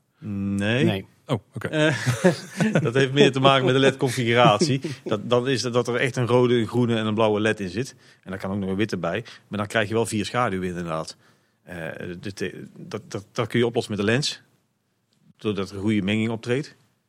Uh, tegenwoordig zijn er gewoon meerdere kleuren LED's. Dus dan zit er in één LED zitten die kleuren al ingebakken op de chip. En dan krijg je dat ook niet meer, die, die schaduw. Ah. Maar dat is inderdaad een heel vervelend effect. Dat wil je echt niet hebben. Uh, over vervelende effecten gesproken. Een van de momenten die mij uh, nog steeds uh, in het geheugen gegrift staat, is de overgang van de gloeilampjes op het, in het Carouselpaleis en op de gevel van het Carouselpaleis. naar denk ik, een eerste generatie LED-lampen. Ehm, ik kan me voorstellen dat het voor jullie ook wel een worsteling is geweest. dat is een behoorlijke worsteling geweest. Ja, daar waren we theatraal gezien ook echt helemaal niet blij mee. Maar dat is puur ingegeven door veiligheid. En de carousel uh, zit natuurlijk, uh, zaten gloeilampjes op die panelen. En die zaten binnen handbereik. En dat mocht niet volgens de norm. En uh, ja, het is natuurlijk 100 jaar goed gegaan, maar dat zegt niks. nieuwe normen, nieuwe wetten, daar moeten we aan voldoen. En Efteling Veiligheid is echt, staat echt op één. Ja, dus daar moesten we iets mee. Dus er was geen uitstel mogelijk. De, nog gezegd van ja, wacht nog een jaar vijf, dan komen er echt wel armaturen de markt we wel iets mee kunnen. Of gloeilampvervangers, retrofit.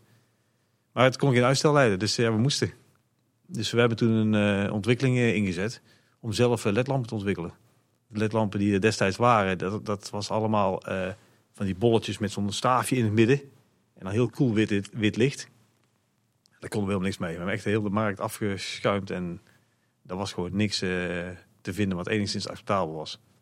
Dus toen ja, zijn we zelf een ontwikkeling gaan starten.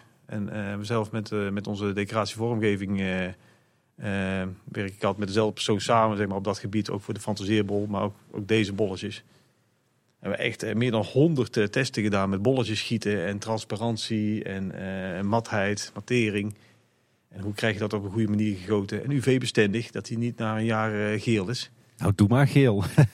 ja, nee, dat wil je niet. Deze geel. Dan komt er geen licht meer uit namelijk. Oké. Okay. En dan hebben we eigenlijk voor de toenmalige oliebollenkraam hebben we de test gedaan. Op het bovenbord en uh, onder de luifel. Daar zaten de eerste versie. Die waren nog glad. En voor de carousel hebben we er iets meer natuurlijke bolletjes voor gemaakt. En eh, daar hebben we LED-armatuurtjes voor laten ontwikkelen. Want we hadden natuurlijk de messing fittingen eh, die er al 100 jaar zaten. Dus ja, ik heb een, leverancier gezocht die, die een nagenoeg gelijkwaardige fitting kon maken voor ons in dezelfde vorm, dezelfde kleur. Maar dan met een LED-lichtbron erin.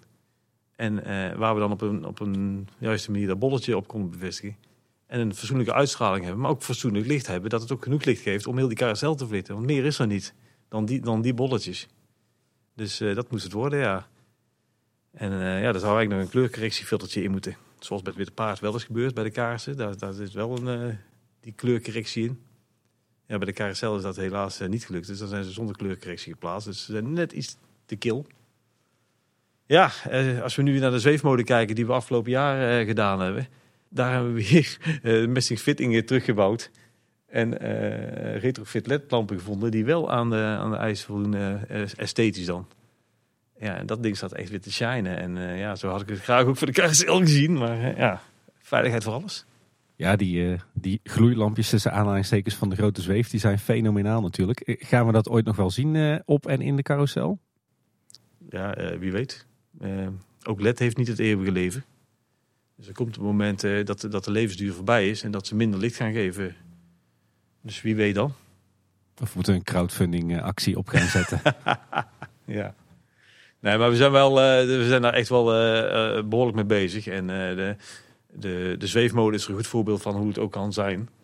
En eigenlijk is die techniek, die hadden we al hebben twee jaar geleden eigenlijk al gevonden. Is inmiddels bij Max Morris al ingezet. Nu bij de zweefmolen. Ja, en bij, en bij de Baron destijds in 2015 hebben we ook eigenlijk voor het eerst echt hele mooie eh, ledlampen toegepast. Waar je ook heel mooi die kooldraad eigenlijk nog in ziet. Hè? Waar heel die romantische sfeer in zit. En, maar ik denk dat we in, ja, we hebben misschien wel honderd lampjes in onze handen gehad. Hè? We, zo, we hebben zo'n testkastje waar je verschillende lampjes in kunt draaien. Nou, dan kun je ze naast elkaar zien. Veel meer. Ik heb een Excel-lijst. Ik denk dat er wel 500 testlampen op staan die we, die we door handen gehad hebben. En dat, nou, dan praat ik echt over, eh, wat is het, 7, 8 jaar geleden Ja. al. Hè? Toen, toen we met die, toen we die uitfasering van die gloeilampen eh, zagen aankomen. Ja, die wetgeving was gewoon. hè, De, de gloeilamp mocht niet meer verkocht of niet meer geïmporteerd of gemaakt worden in Europa. Dus we moesten om. Nou, en daar heb je dan ook weer, eh, ook weer van doen met die, eh, die duurzaamheid. Want als je dan hebt over... eh, kijk, die markt in China met ledverlichting, die is natuurlijk explosief. En er komen heel veel lampjes uit. En soms goed, soms minder goed. Ze geven allemaal licht. Ze geven allemaal licht. maar je zoekt ook een lamp die het hele jaar door dezelfde output geeft. En wat je bij de Chinese lampjes vaak ziet, is dat het na een paar weken toch al minder wordt. En dat hebben we bijvoorbeeld ervaren bij de Vermolenmolen destijds. En, en daar heb je dan ook nog te maken met het feit dat het binnen een soort van binnen handbereik is. Dus dan mogen de lampjes niet van glas zijn, maar dan moet het van plastic zijn. Dus lampjes bij, bij de zweefmolen zijn ook Dat zijn ook de bijkomende dingen, ook bij de carousel. Het moet slagvast zijn, onbreekbaar, laagspanning. En dan wordt de markt weer veel dunner om nog uit te putten. En dat vind ik dan wel het hele leuke aan de Efteling. Als het er niet is, gaan we het zelf ontwikkelen. En in in dit geval, in het geval van de carousel, is dan misschien achteraf gezien niet helemaal wat we voor ogen hadden. maar op het dat feit moment dat, het hoogst haalbaar. ja, en het feit dat collega's ermee aan de gang gaan en toch eh, met goede intenties tot zo'n initiatief komen, is gewoon super gaaf. Ja, je moet wat dan, hè? Er moet wat. Hij is mooi. We hebben het eigenlijk de hele tijd al over allerhande soorten eh, eh, licht en verlichting eh, in de Efteling. Maar Erik, kan je nou eens ons kort meenemen? Wat, zijn er nou allemaal voor soorten licht in een park als de Efteling? Wat, wat, kom, wat kom jij nou allemaal tegen in jouw werk? Ja, je hebt een aantal soorten. Eh, buiten hebben we onder andere de openbare verlichting. Zoals je eigenlijk gewoon in een dorp of in de stad tegenkomt. Dat zijn eigenlijk alle lantaarnpalen die je op de paden ziet, bij attracties ziet. Het, eh, het, het anti-struikellicht. Het, het, het anti-struikellicht, precies. Ehm, daarnaast heb je ehm, decorverlichting. Die, die je eigenlijk ook buiten, overal op de gebouwen, in de bomen, eh, overal op ziet. Eh, natuurlijk hebben we werkverlichting in de panden zelf. Je hebt nog ontruimingsverlichting. En dan puur showtechnisch gezien heb je in de gebouwen de functionele verlichting. Dat zijn bijvoorbeeld de, de mooie, mooie armaturen, de kroonluchters, eh, dat soort dingen. Die nemen wij altijd wel mee in programmering. Dus wanneer je een flikkeringetje ziet, dan, dan is dat meegeprogrammeerd. Eh, wanneer het eh, in, een, in een gebouw ineens eh, wat donkerder wordt, dan, dan dimmen, dimmen dat soort verlichtingen dimmen mee. En dan heb je natuurlijk de showverlichting. En de showverlichting, dat zijn eigenlijk de spots die wij niet willen zien, maar die wel zorgen dat de beleving van je attractie ja, tot leven komt. Ja, en ik denk dat eh, daarnaast, volgens mij, eh, als je het hebt over theater en evenementen en entertainment, dat dat natuurlijk ook nog wel een deel van jullie werk is. Of ligt dat weer ergens anders? Eh, evenementen hebben we wel lang ernaast gedaan. Bijvoorbeeld zomeravonden en dergelijke. Wanneer er een podium was, dan, dan wilden wij ons eigen daar ook nog wel mee, mee bezighouden. Ehm, theater, dat ligt eigenlijk meestal wel buiten de deur. Dat komt ook omdat je niet alles zelf kan doen. als je een jaar hebt waarin je en Carnaval Festival en Fabula en de Zes Zwanen moet doen, dan is het jaar echt wel vol. Uh, en het is ook weer net een andere expertise. Alleen de armaturen die gebruikt worden voor theater, dat zijn wel de armaturen die wij ook gebruiken voor uh, attracties. Soms groot, soms klein. Uh, maar er zit wel heel veel vergelijking in. Ja, en met de musicals werken we natuurlijk ook heel intensief samen. Ook wel altijd met een, eenzelfde soort extern team. Dus ook daar zit, zit wel een bepaalde hand in. Een bepaalde filosofie die ook weer consistent is in, in alle voorstellingen. Dus het is, ja, is eigenlijk een extern intern team op een bepaalde manier. Vaak dezelfde, inderdaad. En we zoeken ook wel die afstemmingen.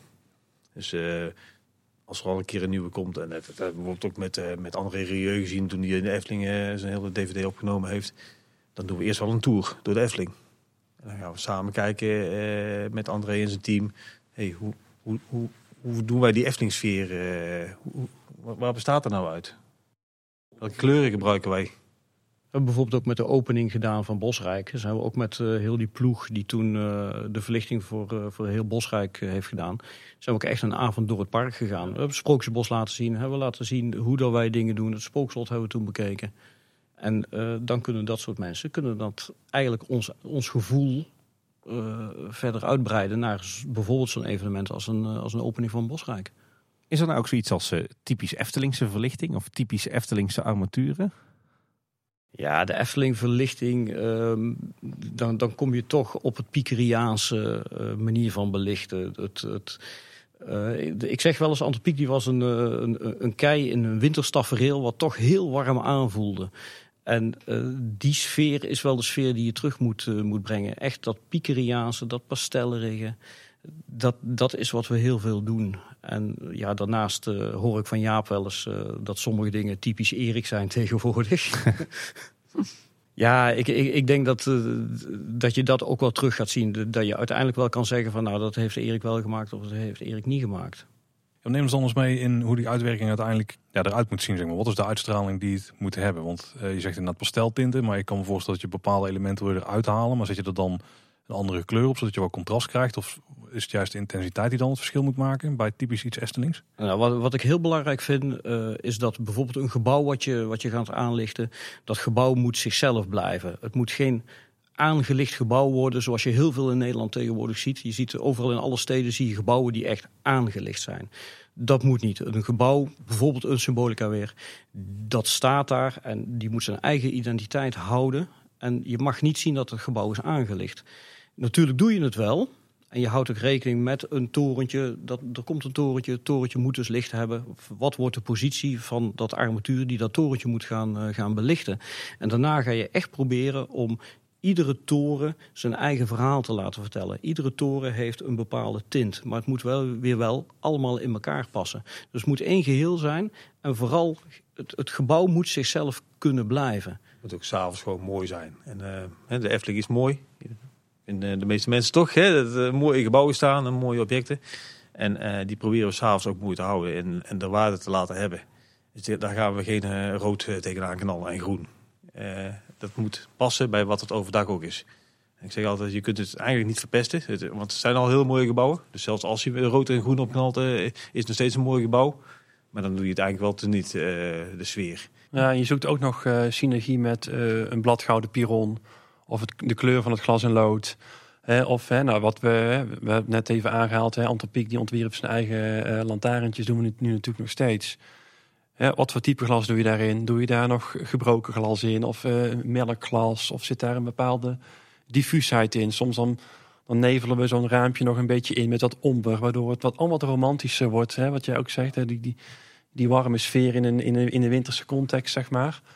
En dus het is niet alleen maar inderdaad het belichten van de gevel, maar het is ook nadenken over wat is dan bijvoorbeeld bij Symbolica de kleur van het glas en lood. En wat voor licht komt daar dan achter en hoe komt die kleur dan weer samen met de belichting? Ja, en moet er misschien eh, wel, wel een, eh, toch een, een bepaalde opale plaat nog, eh, nog achter de Achter, raampjes? achter het glas en lood. Of- Hè? Ja. Nou, die testen doen we wel. Dat het ook de glas en lood gewoon overdag is dat mooi. Maar ook s'avonds moet het echt mooier uitkomen. Dus daar, daar, daar wordt aandacht aan besteed. En wat we altijd, volgens mij benaderen wij ook een object altijd 360 graden. Dus het is niet alleen belichten vanaf de voorzijde, maar ook een eh, tegenlichtje vanaf de achterkant. En, eh, dat het ook 360 graden goed in het licht staat, waardoor het minder plat wordt. Ja, je moet echt eh, hè, bij Symbolica de vijver rond. En dan gaan we echt aan alle kanten. Terwijl, terwijl we aan het belichten zijn, eh, eh, ja, ga- gaat een van ons de vijver rond eh, op de fiets om ook aan de achterkant te kijken. En eh, terugkoppeling te feedback te geven van eh, die spot een beetje naar links, die spot. En kan het aan de voorkant wel mooi zijn. Maar ja, ook aan die achterkant, ook daar lopen mensen. Dus ook daar moet aandacht zijn. En het moet aan alle kanten passen.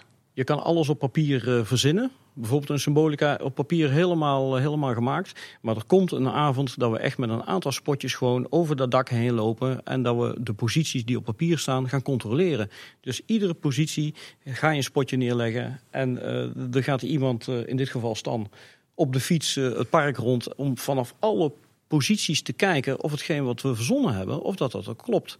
En daarna wordt er pas eh, aan de installateur Nou, en dan, ja, en dan fine-tunen we die installatie. Hè. Dus die staat op papier, was die er al natuurlijk.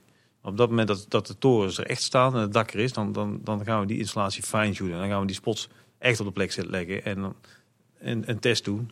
En met een stift of met een, eh, met een spuitbus die, die plek markeren. Daar moet die komen.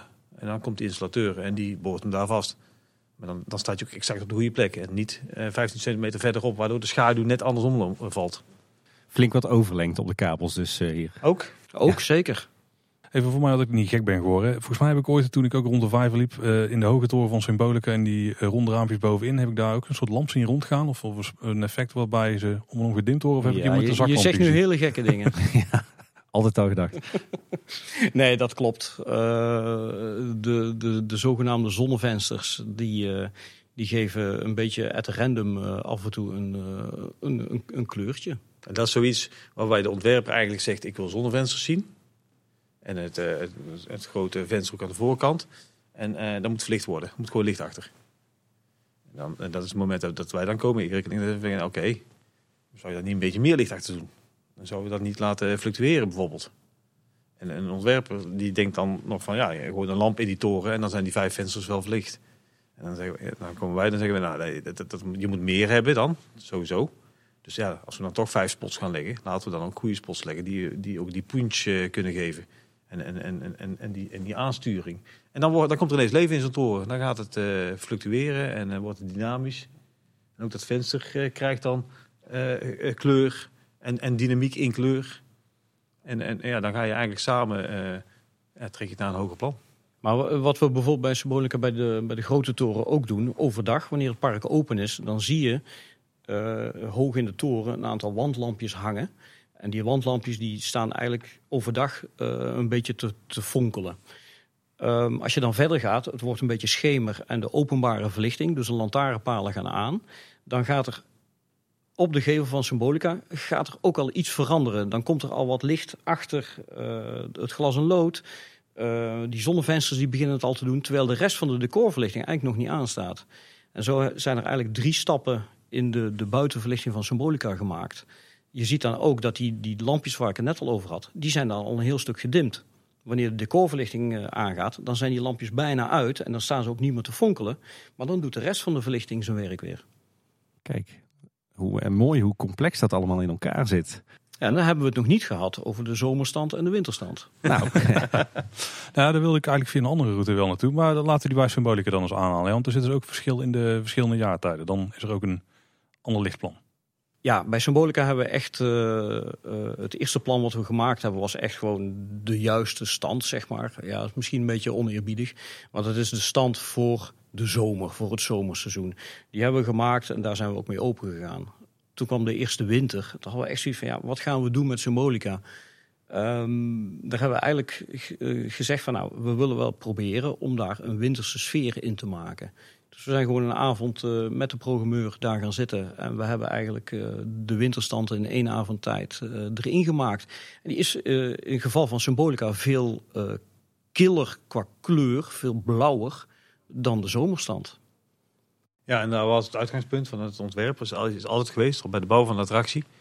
We gaan daar geen uh, girlandes op hangen en zo. Geen kerstversiering op Symbolica. Dat is een heel duidelijke keus van, van de ontwerper geweest. Uh, waarbij heel veel attracties natuurlijk wel doen. Uh, hang maar vol met kransen en uh, girlandes en lichtjes. En we hier gezegd, nee, Symbolica leent zich daar niet voor. Dus dat moeten we in de, in de belichting zoeken. En dat hebben we eigenlijk voor het eerst gedaan bij het Efteling Hotel. Al tien jaar geleden of zo. Daar, dat was eigenlijk een van onze eerste projecten met ledverlichting. En ehm, daar hebben we het eigenlijk zo gemaakt. En dat is meer een beleving. Dat ga je niet echt zien, maar je beleeft het wel. In de winter verlang je naar warmte. Dus in de winter is het Efteling Hotel net wat warmer uh, belicht dan in de zomer. De zomer is hij, wat, wat, eh, is behoorlijk wit, is hij, is wat killer. En in de winter dan, uh, dan zit er wat meer amber bij. En dan is hij wat warmer qua, qua gevoel. Dus dat, dat, zijn die, dat zijn die subtiele dingen. Hè? Dat is voor je gevoel, voor je beleving. En uh, je ervaart het. En uh, je kunt het misschien niet benoemen en jullie zullen het misschien niet zien. Maar het past wel. Ik ga er wel meer op letten vanaf nu. Nou, maar het is ook de maximaal benutten van de mogelijkheden die LED tegenwoordig biedt. Ja, zeker. Ja, dus het is, voorheen zat je vast aan een kleurenfilter of aan een, een, glaasje wat erin zat. En nu kun je eigenlijk, zoals we bijvoorbeeld met het hotel hebben, volgens mij ook wel eens een keer met het WK een keer helemaal oranje gemaakt. Ja, dat zijn wel hele toffe toepassingen. Ja, maar we zoeken die grenzen niet op. Uh, we, hè? Ook al hebben we dan LED en kunnen we alle kleuren maken. Eh, het moet geen disco en geen carnaval worden wat dat betreft. Dus daar zijn we wel zorgvuldig in. Hè? Dus ook al kan er alles mee, dat doen we absoluut niet. Het moet wel Efteling blijven. Ja, volgens mij een, een perfect voorbeeld daarvan, waarvan de verlicht, het lichtplan volgens mij ook heel complex in elkaar zit, is uh, toch wel de Zes Zwanen.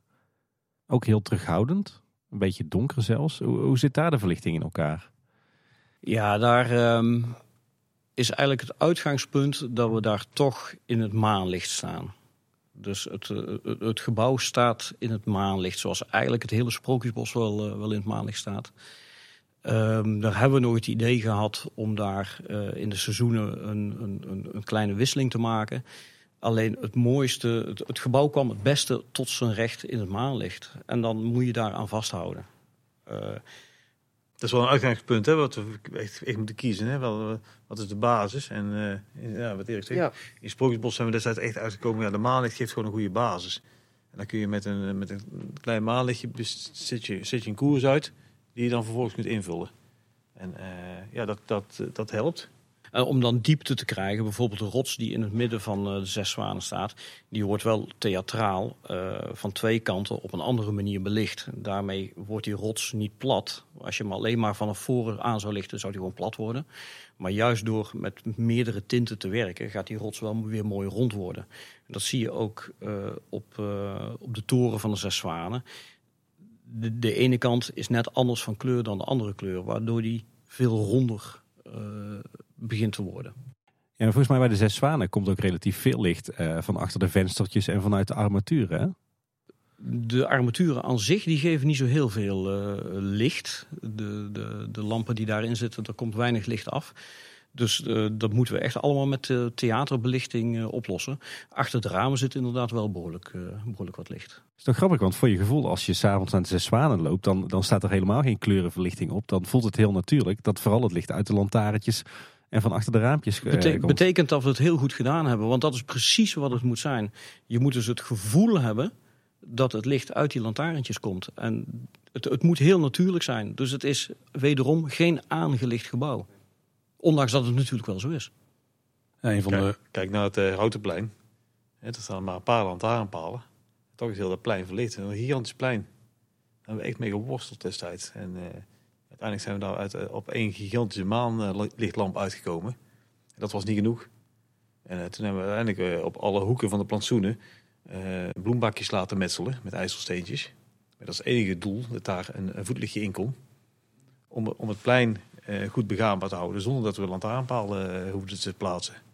Dat, dat, was echt een no-go daar. Het plein moest open blijven van de ontwerpers. Dus het één hele grote maanlichtlamp verstopt in een boom heel hoog. En, en, en bloembakjes op elke hoek om uh, ja, om ook daar het, eh, het, struikelen tegen te gaan. Dat het gewoon wel veilig is en goed is, maar eh, wel onopvallend. Ja. Dat is die, die grote mast die daar in de hoek staat als je zeg maar, vanuit de put van vrouw Holle richting, eh, zeg maar rechtsaf komt. richting Ja, eh ja. in Routenplein loopt. Ja. Ja. dan hebben we echt een hoek gezocht waar, eh, ja, waar iedereen omheen loopt. En omdat je zo hoog staat, ziet eigenlijk niemand hem. Ik denk dat een ander heel interessant gebouw qua licht het Huis van de Vijf Zintuigen is. Is denk ik een van de meest gefotografeerde objecten in het donker. Heb ik soms vermoeden. Tenminste, die foto's die zien we wel echt honderd keren in de zomer voorbij komen op een dag, denk ik. Eh, daar heb je ook het verschil tussen een winterse en een zomerse verlichting. Misschien hebben jullie daar zelfs wel meer seizoenen nog in, in ondergebracht. Maar Hij gaat nu overal iets achter zoeken. nu, gaan, nu hebben de experts aan tafel zitten. Nu kunnen we het allemaal vragen. Kun, je daar, eh, kun je daar wel iets meer over vertellen hoe dat is aangepakt? Nou, het, het Huis van de Zin, Vijf is natuurlijk oorspronkelijk gebouwd. En daar heeft eh, Philips destijds het lichtplan voor gemaakt. Met fibers. En eh, dat was een behoorlijke stap destijds eh, met dat vermogen, die afstanden, die, er zitten behoorlijk grote projectoren in. En daarnaast werden de punten aangelicht met, met ja, de gewone Oost-Duitse parkeerterreinverlichting, zoals mijn vroegere chef het altijd zei, de natriumlampen, oranje. En ja, dat, dat heeft jarenlang zo gefunctioneerd. En toen kwam de winter Efteling. En toen kwam er de vraag, tot het idee van, eh, kunnen we daar in de winter iets mee? En iedereen dacht, ja, dat kan niet. Dat is dat riet, dat is hartstikke donker. En eh, dat is, zeker als het nat is. En uh, Erik en ik hadden zoiets van, nou... We, gaan, het, we toch gaan proberen. we gaan het toch eens even... we laten ons niet snel uit het veld slaan, want dat kan niet en bestaat niet. Dus op een avond dat we toch andere dingen ook te doen hadden in het park met testen en doen, hebben we- eens een paar hele grote lampen meegenomen. En hebben we daar eens gewoon een test gedaan met kleuren. En, en toen bleek het wel te kunnen. En eh, dat we hem ook in de winter gewoon echt die blauwe tint konden geven. De gedachte was in eerste instantie dat riet eigenlijk al het licht zou absorberen. Dus dat blauw op, op een rieten dak eigenlijk niet zo goed zou werken. Nou zijn wij natuurlijk eigenwijs genoeg om er dan toch wel even zeker te willen weten of dat wel of niet kan. Ja, met dit, eh, dit als gevolg. Ja, dus uh, nou, ja, en uiteindelijk hebben we dat gewoon aan Flashlight overgelaten natuurlijk. Van Flashlight, eh hè? Ja, willen jullie dit eens uitwerken, dit plan? En eh, ja, sindsdien hebben we een, eh, een heel sprookjesachtige entree eh, in blauw. Ja. En wat ik daar zelf heel mooi aan vind, is dat je hebt het, bijna het ijskoude blauwe dak, zeg maar. Maar daaronder heb je die hele warme, bijna deken waar je dan in kan lopen om het park in te gaan. Dus dan Ja, een heel dat is het gevoel weer. De, dat is het gevoel eh, wat we toch wel willen, willen geven. Je moet uiteindelijk toch die warmte, die, die fijne sfeer moet je, moet je beleven. Dus dat, dat klopt helemaal. Maar inmiddels zit er ook gekleurde ledverlichting aan de binnenkant volgens mij. Want ik heb er ook wel eens wat eh, meer rode tinten in gebruikt zien worden. Ja, dat, eh, de, dat is ook allemaal eh, ingehuurde verlichting op dat moment. Eh, De, dus de vaste verlichting is wel vervangen. Dus ook binnen zat, eh, zat natriumverlichting, de, de wat wittere dan wel. Dat is eh, recent allemaal vervangen naar LED. Maar nog steeds in, in die neutrale kleur. Dus dat het gewoon voor elke dag gewoon goed is. En voor de seizoenen eh, huren we dan verlichting in om er nog een speciale tint aan te kunnen geven. Jullie vertelden net in de Efteling geen knalkleuren. Eh, dat is ook duidelijk te zien. Daar ben ik ook heel blij mee. Een ander uiterste, wat ik op zich qua lichtplan wel heel mooi vind, is eh, Disneyland Parijs. Daar heb je in Frontierland en Adventureland hele terughoudende verlichting. Het enige wat daar gebruikt wordt zijn de, de lantaarntjes langs de weg en hier en daar een fakkeltje en een, en lampje aan een gevel. En verder is het bijna pikken donker. Is dat ook iets wat jullie hier zouden vinden passen in de Efteling? Of is dat net een tandje te terughoudend? Ik weet nog wel de eerste keer dat ik in eh, Disneyland in de avond was. Daar had ik echt zoiets nou dan moet ik eens even gaan, eh, gaan kijken hoe ze het hier doen. Nou ja, dat was ik gauw klaar mee, want er was niet veel in de avond. Het was pikken donker en je brak je nek. Ik vond het gewoon gevaarlijk ook met kinderen. En, eh, dus dat viel een beetje tegen. Maar wat jij zegt, ja, dat, dat zijn ook een manier om het aan te pakken. Ja. Eh, om- om het sumier te houden en eh, spannend. En ik kan me best voorstellen dat er plekken zijn die zich daarvoor lenen. Maar niet in de Efteling. Ik weet zo gauw niet waar kijk, ik nee, denk dat dat in de Efteling zou zien. Nee. Het Sprookjesbos heeft op een bepaalde manier ook een bescheidenheid. Ondanks dat er heel veel armatuurtjes hangen. Heeft wel een bepaalde bescheidenheid, een duisterheid en een intimiteit. Die, die dan net verder gaat dan de bescheidenheid van een Adventureland of een Frontierland in Disneyland Parijs. Maar je ziet overigens wel dat Disney daar nu ook wel van terugkomt. Hè? Bij nieuwe investeringen als een Star Wars Galaxy Edge of nou, noem ze maar op. Daar zitten ook gewoon gigantische lichtplannen op tegenwoordig. Dus misschien is het ook een modedingetje geweest eh, destijds bij Disney. Ehm, maar kijk, wij gaan daar heel ver in. Hè. We hebben ook ooit eh lichtontwerpster van Disneyland Parijs hier gehad. En die, nou, die wist niet wat ze zag. Ja, die is rond. Toen we het Sprookjesbos pas klaar hadden, is, is ze rond geweest met ons. En ja, die was sprakeloos. Ja, die eh, wist, die was ge- geïnspireerd, zeg maar. Dat is wel mooi, want ik denk dat als je als andere lichtexpert, dat je dan eh, nog veel meer dingen op zullen vallen dan dat ons al opvalt. Maar dat is natuurlijk ook het idee dat het onbewust blijft. Dat je het niet allemaal bewust meemaakt wat er qua verlichting gebeurt. Nee, ja, natuurlijk. Maar dat is ook wel ons doel, dat doen we overal mee. Hè? Eh, het, het, moet, het moet er gewoon zijn alsof het altijd zo geweest is. En eh, de Efteling wordt niet gebouwd, de Efteling is ontstaan. En eh, dat is het gevoel wat we mee willen geven, ook op licht.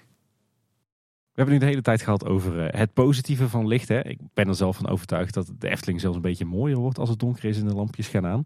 Ehm, maar de licht heeft natuurlijk ook nog één negatieve kant. Met name het vol in het licht eh, zetten, waar jullie het al een paar keer over hebben gehad. Eh, we zitten natuurlijk vlakbij eh, een aantal mooie natuurgebieden. Loonsendrunische Duinen, bij de kern Kaatsheuvel. En als ik s s'avonds uit het raam kijk, dan zie ik altijd een hele mooie gloed hangen. En dan denk ik weer, ah, dat is onze Efteling, weet je wel. Maar moeten jullie ook rekening houden met, met, met de lichtoverlast die je veroorzaakt als park? We houden er rekening mee in ieder geval. Ja. Of het moet, uh, ja, uh, inherent wel natuurlijk. Maar we houden gewoon uit onszelf al rekening mee. We gaan geen, uh, geen grote lichtspots de, de, de, de, lucht in laten schijnen. Maar ja, je ontkomt er niet aan als je de entree in blauw wil zetten.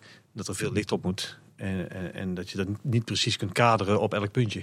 Dus dat er, dat er ook wat spil is links en rechts. Ja, dat is. En we proberen wel door onze beheersystemen die we hebben op alles, alles is geautomatiseerd. Er hoeft niemand eh, per se ergens op een knopje te drukken. Dus dat, dat daarmee wel uh, voorkomen kan worden. Dat er misschien met één druk op de knop de Efteling uitgezet kan worden. En alle verlichting. En dat er ook, als er specifiek is, dat, dat daar het licht alleen maar daar hoeft te branden en niet bij de rest. Oké, okay. oh, dat is trouwens nog wel interessant. Want in mijn tijd was het volgens mij zo, als je dan ergens een lamp aan wilde, dan moest je naar een schuurtje. En dan zat dat zat weer geknoopt aan het geluidssysteem van die attractie. En dat kon dan alleen door de meldkamer worden aangezet. Maar nou ja, in die tijd uh, kon dat nog een beetje. En, uh, maar ik denk dat wij richting 2000, zeg maar, de Pandadroom, theater, hebben we echt wel de eerste stappen gezet op, op de gebouwbeheersystemen. En het overkoepelende parkbeheersysteem. Om, om, om, dat, dat was niet meer houdbaar. De Efteling werd groter. En, en, in die tijd had je nog, uh, elke attractie had een, had een vaste persoon. Die, dat was heren, die was heer en meester op die attractie, die wist alles. En dat had je ook in een restaurant en dat had je in een winkeltje. En die wisten van, uh, als dit gebeurt moet ik achter dat hoekje dat schakelaartje omzetten. Maar dat gaat op een gegeven moment niet meer als je naar 365 dagen toe gaat. En, en dan, dan komen er meer mensen en het moet universeler worden. En we hebben toen systemen ontwikkeld waarbij gewoon een universeel interface is in elk gebouw waar iedereen mee kan werken en die overal hetzelfde werken. En daar gaat ook de verlichting mee aan en ook centraal en ook het geluid en alles. En, en op die manier kun je het beheersbaar maken, want anders uh, is dat niet meer te doen in, in, in een dergelijke ja, grote omgeving. Ik ben veel aan het zoeken geweest destijds. Ja, tijd, ja. Ik, ik, ik weet wel, eh, met de zomeravonden uh, in het begin, dan, dan, dan, gingen we de sluitingsronde doen. En dan gingen we met de mannen vier, de vier hoeken van het park in. En dan moest je overal inderdaad met je zaklampje eh, achter een boom een schakelaar uitzetten. En achter een huisje en in een huisje. En overal schakelaars. Ja. Maar die tijd is geweest. Het Die kan is niet echt voorbij. knop. Dat kan echt niet meer. Zijn er nou nog eh, bepaalde projecten die we echt niet mogen vergeten, omdat daar heel interessante aspecten rondom licht aan zitten? Ja, ik, kijk, ik heb nog wel eentje, maar dat is gewoon een leuk verhaal. Ehm, net hadden we het over die eigen wijsheid. Hè? Van nou, eh, als iemand zegt dat het niet kan, laten wij dan toch eens kijken of het kan. En toen we Aquanura net geopend hadden, zagen we natuurlijk, was te verwachten, een heel groot verschil tussen hoe die show overdag beleefd wordt en hoe die s'avonds beleefd wordt met in het kunstlicht. En toen hebben we eens een keer zitten filosoferen van nou, zouden we nou nog eens iets met lampen kunnen doen die je, waar je overdag ook rendement van hebt, zelfs in zonlicht. Dus toen hebben we eens een keer in een dolle bui, hebben we ja, echt de, de eh, Paar lampjes besteld. lampen laat, uit Amerika laten komen die echt gewoon de meeste output geven. De zogenoemde skyscrapers. En die hebben we toen, eh geloof ik, een vier of vijftal hier naartoe gehaald. En daar hebben we twee, twee dagen experimenten mee gedaan. En wonderwel, in zonlicht nou, hadden we echt wel een mooie kleurweergave. Met name ook bijvoorbeeld op die gouden bal in het midden.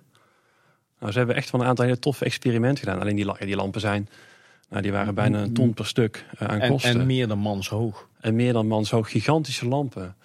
Maar wij zijn dan wel zo bedreven met, met dit vak en met, met, met eh, ook de potentie van belichting voor de Efteling, dat we dan toch onszelf in de ogen willen kijken. Nou, weet je, dat willen we toch onderzoeken. Mocht die vraag komen of mochten we toch ooit een keer een haakje zien, Om het, om het, om het, om het nog bijzonderder om te het nog maken. bijzonderder te maken. Ja. Ja, we hebben er echt testen gedaan inderdaad eh, s s'avonds, maar ook eh, in de ochtend, hè, in de ochtendzon. S ochtends vroeg. Een mooie zon hadden we toen en dan echt die lampen aan en dan, dan, dan ervaar je gewoon die gouden gloed eh, midden in die fontein. En dat is wel een heel bijzonder gezicht. eh. Je gelooft het niet. Met Nee. de strak blauwe lucht en de stralende zon. Ja, dat was echt, echt wel heel bijzonder. Ja, dus we proberen daar wel het uiterste uit te halen. Ook wat we nu zien met, hè, met Guus gedaan hebben natuurlijk, maar ook met Tiesto een stukje gedaan hebben. Dat we die programmering wat meer naar ons toe trekken. Ja. Die Amerikanen hebben toch een Amerikaanse manier van, van programmeren en hard Ja. en eh, agressief.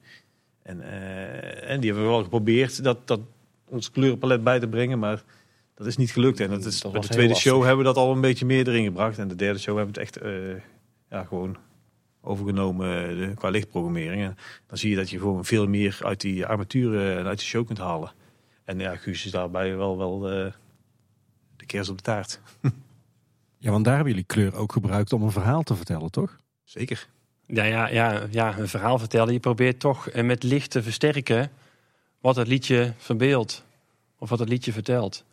Dus ja, er zitten heel veel details in. Er zitten echt eh, tientallen details in die, die het ontdekken waard zijn. Hè, variërend van ehm, Van een goudklompje. Goudklompjes Tot tot, een, eh, dolende geesten, tot de rode seinlampen, twinkeltoortsen die rondgaan in de, in de, in de openbare verlichting. Eh, de viool van het spookslot hebben we erin zitten. De De schachttoren. paddenstoelen, de Brabantse vlag natuurlijk. We maken de schachttoren X'en met, eh, zeg maar, met de, de In de- constructies in- van de de schachttoren lucht. met de, in de lucht. Nou, ja, de Brabantse vlag zit erin. Ja, we zoeken daar wel eh, aan de hand van, van de synopsis, zeg maar, zoeken we wel eh, al, al, alle haakjes, alle raakpunten waar we met licht eh, kunnen inhaken. En dat verdelen we dan ook nauwkeurig over die show, dat we dat eh, mooi uitstrijken. Ja, persoonlijk vond ik, dat als ik dan terugkijk op die 12,5 jaar Efteling, gewoon wat je met elkaar in een paar weken kunt maken. eh, die chemie die ik die week heb gevoeld tussen mensen, was uniek.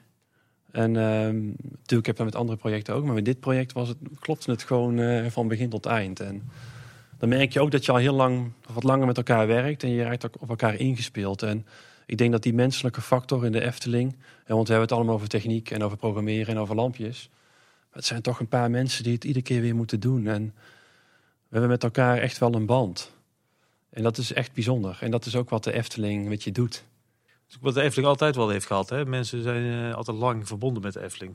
Als iemand hier een jaar of twee zit, dan, eh, dan is dat het moment van of die gaat weg of die blijft.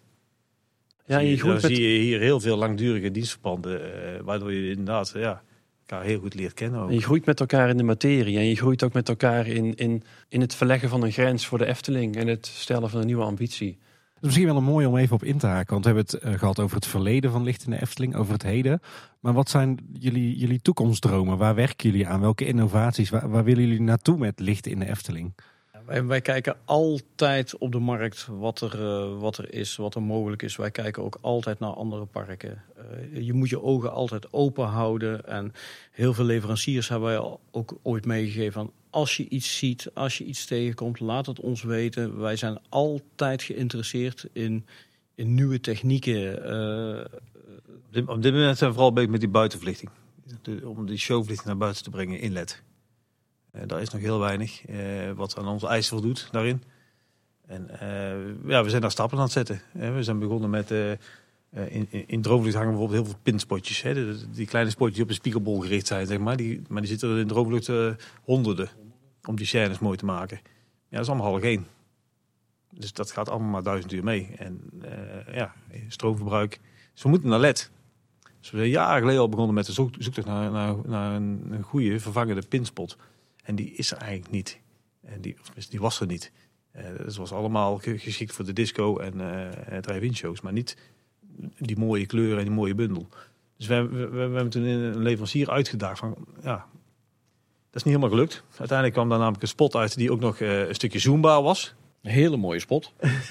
En het was eigenlijk veel beter. Veel beter dan we gevraagd hadden. En, maar eigenlijk, eh, met die spot hebben we wel symbolica kunnen maken. Dus er zitten er honderden in symbolica van hele kleine, minuscule spotjes. Maar die wel zoombaar zijn en, en een mooie kleurweergave hebben. En die we dus overal in het decor konden verstoppen. En daar zijn we op verder gaan borduren. En, eh, inmiddels is daar ook een waterdichte versie van eh, ontwikkeld. Zodat we ook buiten eh, die, die kenmerken kunnen gebruiken. Dus in het Sprookjesbos zijn de eerste al verschenen. En ja, daarmee hebben we dus toch een heel compacte armatuur ontwikkeld met de juiste kleurweergave, maar ook met, met, met, met lenzen waar we leuke dingen mee kunnen doen.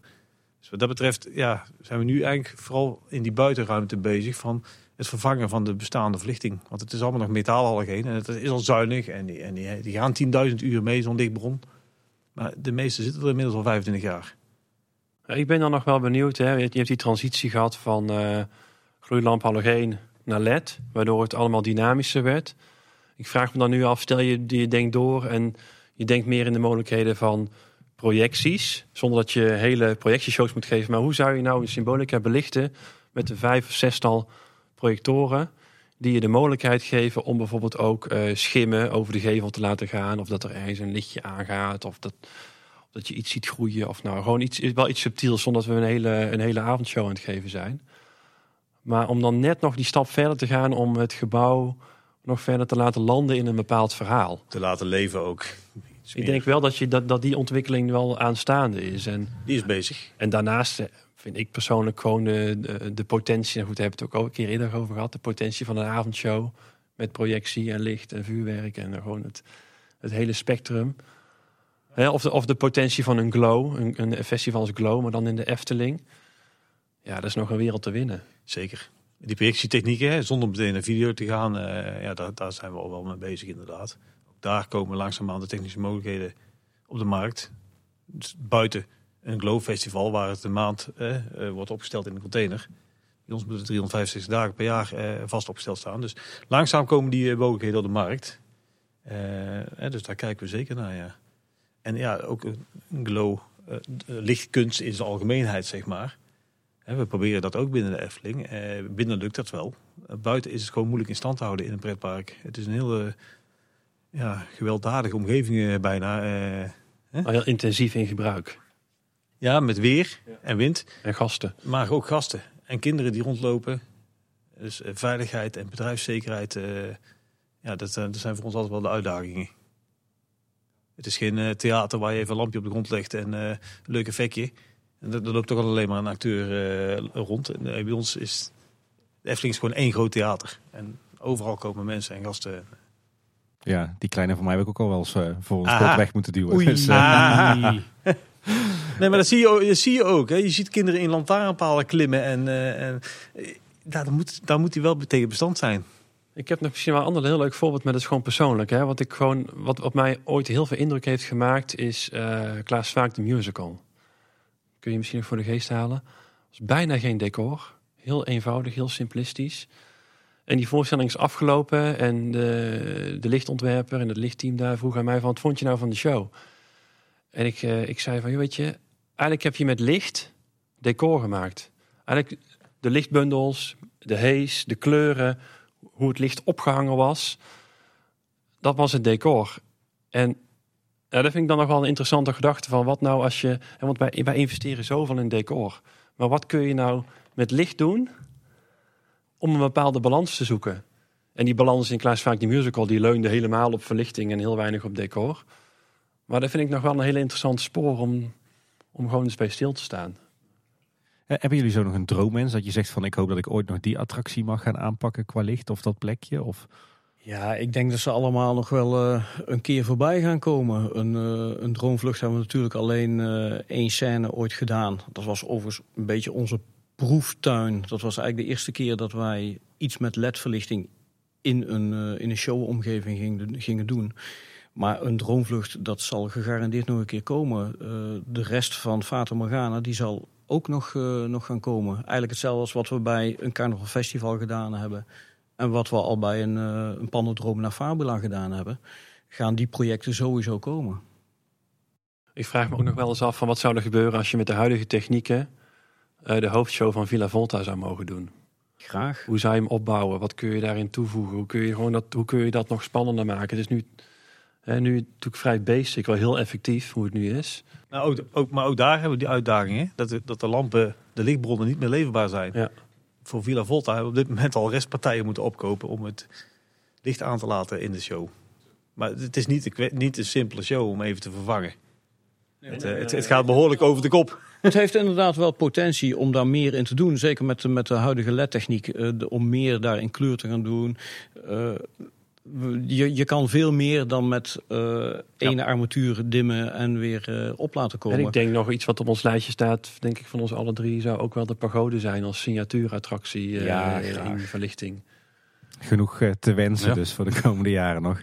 En wat zijn jullie eh, wensen op het vlak van verlichting voor de Efteling? Nou, ik heb er eentje met stip op één. Dat zijn natuurlijk de gloeilampjes van het Carouselpaleis. Oh ja. Maar dat zal niemand verrassen. Ja, ik ben bij Fata Morgana toch wel benieuwd, want daar heb je nu eh, de jungles, die zijn sowieso al in LED.